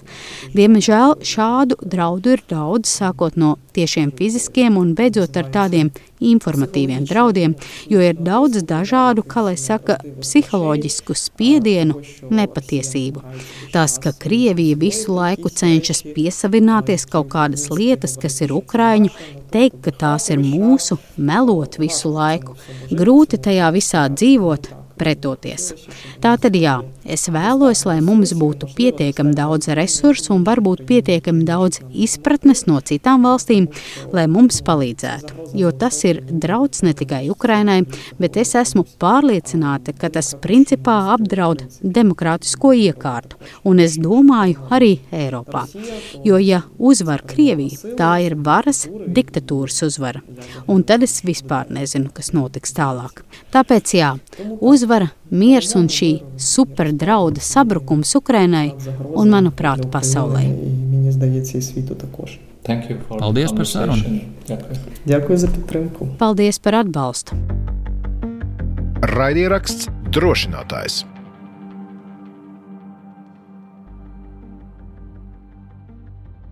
Paldies! Tā bija Olha Horbenko, ukrainiete no Minhenes, ar savu personīgo stāstu, kuru uzklausīja Rihards Plūme. Paldies jums abiem diviem! Katrā ziņā stāsts atkal jau kas liek domāt un iedomāties, kā tas ir būt viņu vietā, un skaidrs, ka jā, likteņi tiek ietekmēti uz neatgriešanos. Un, uh, Jā, nu, Olha pati arī atzina, ka viņi nezina, kas un kā notiks tālāk. Protams, ka viņi vēlas atgriezties Ukrajinā pie savas ģimenes, taču nu, jā, šobrīd viņi saprot, ka varbūt tā labākā vieta viņai šobrīd ir Mīnhena, kur viņa var būt noderīga un, ja nu nedod Dievs, eh, Ukrajinā notiek. Vēl daudz sliktāka situācija, izvērš daudz sliktāk, tad uh, vismaz uh, viņas meitai būs kur pārcelties uzreiz, un nebūs arī par to jādomā. Jā, saruna mums diezgan gara, pēc tam arī pie cepumiem, pie tējas apspriedām uh, vēl citas lietas. Un, un Olhai arī ļoti interesēja, kā mēs šeit Latvijā skatāmies uz visu to, gan kas notiek Ukrajinā, gan kā mēs te paši Latvijā izturamies gan pret uh, pašiem uh, ukrāņiem, kas pie mums šeit ir atbraukuši, gan arī kā mēs tagad raugāmies uz um, krievu valodu, krieviem un šo visu krievisko vidi. Nu, ko, ja jums šis šķita svarīgi, padalieties! Padalieties ar uh, saiti uz uh, drošinātāju. Atķeksējiet tās zvaigznītes vai vēl kaut ko, ne tāpēc, ka mēs būtu lieli zvaigznīšu krājēji, bet, uh, vai īkšķīšu krājēji, bet tāpēc, ka tas palīdz labāk izplatīt uh, tālāk uh, šo uh, raidierakstu. Šis bija drošinātājs 63. epizode. Tas, uh, laikam, ir arī viss, ko mēs gribējām pateikt. Uh, ja nu jums ir kas sakāms, tad rakstiet mums uz drošinātājs Latvijas Radio LV. Eh, rakstiet sociālajos tīklos, izmantojiet eh, mirkļbirku drošinātājs, tad mēs pamanīsim šīs ziņas. Un šajā nedēļā tas arī viss. Paldies, ka klausījāties un atcerieties! Drošinātājs skaidri un personīgi par karu Ukrajinā.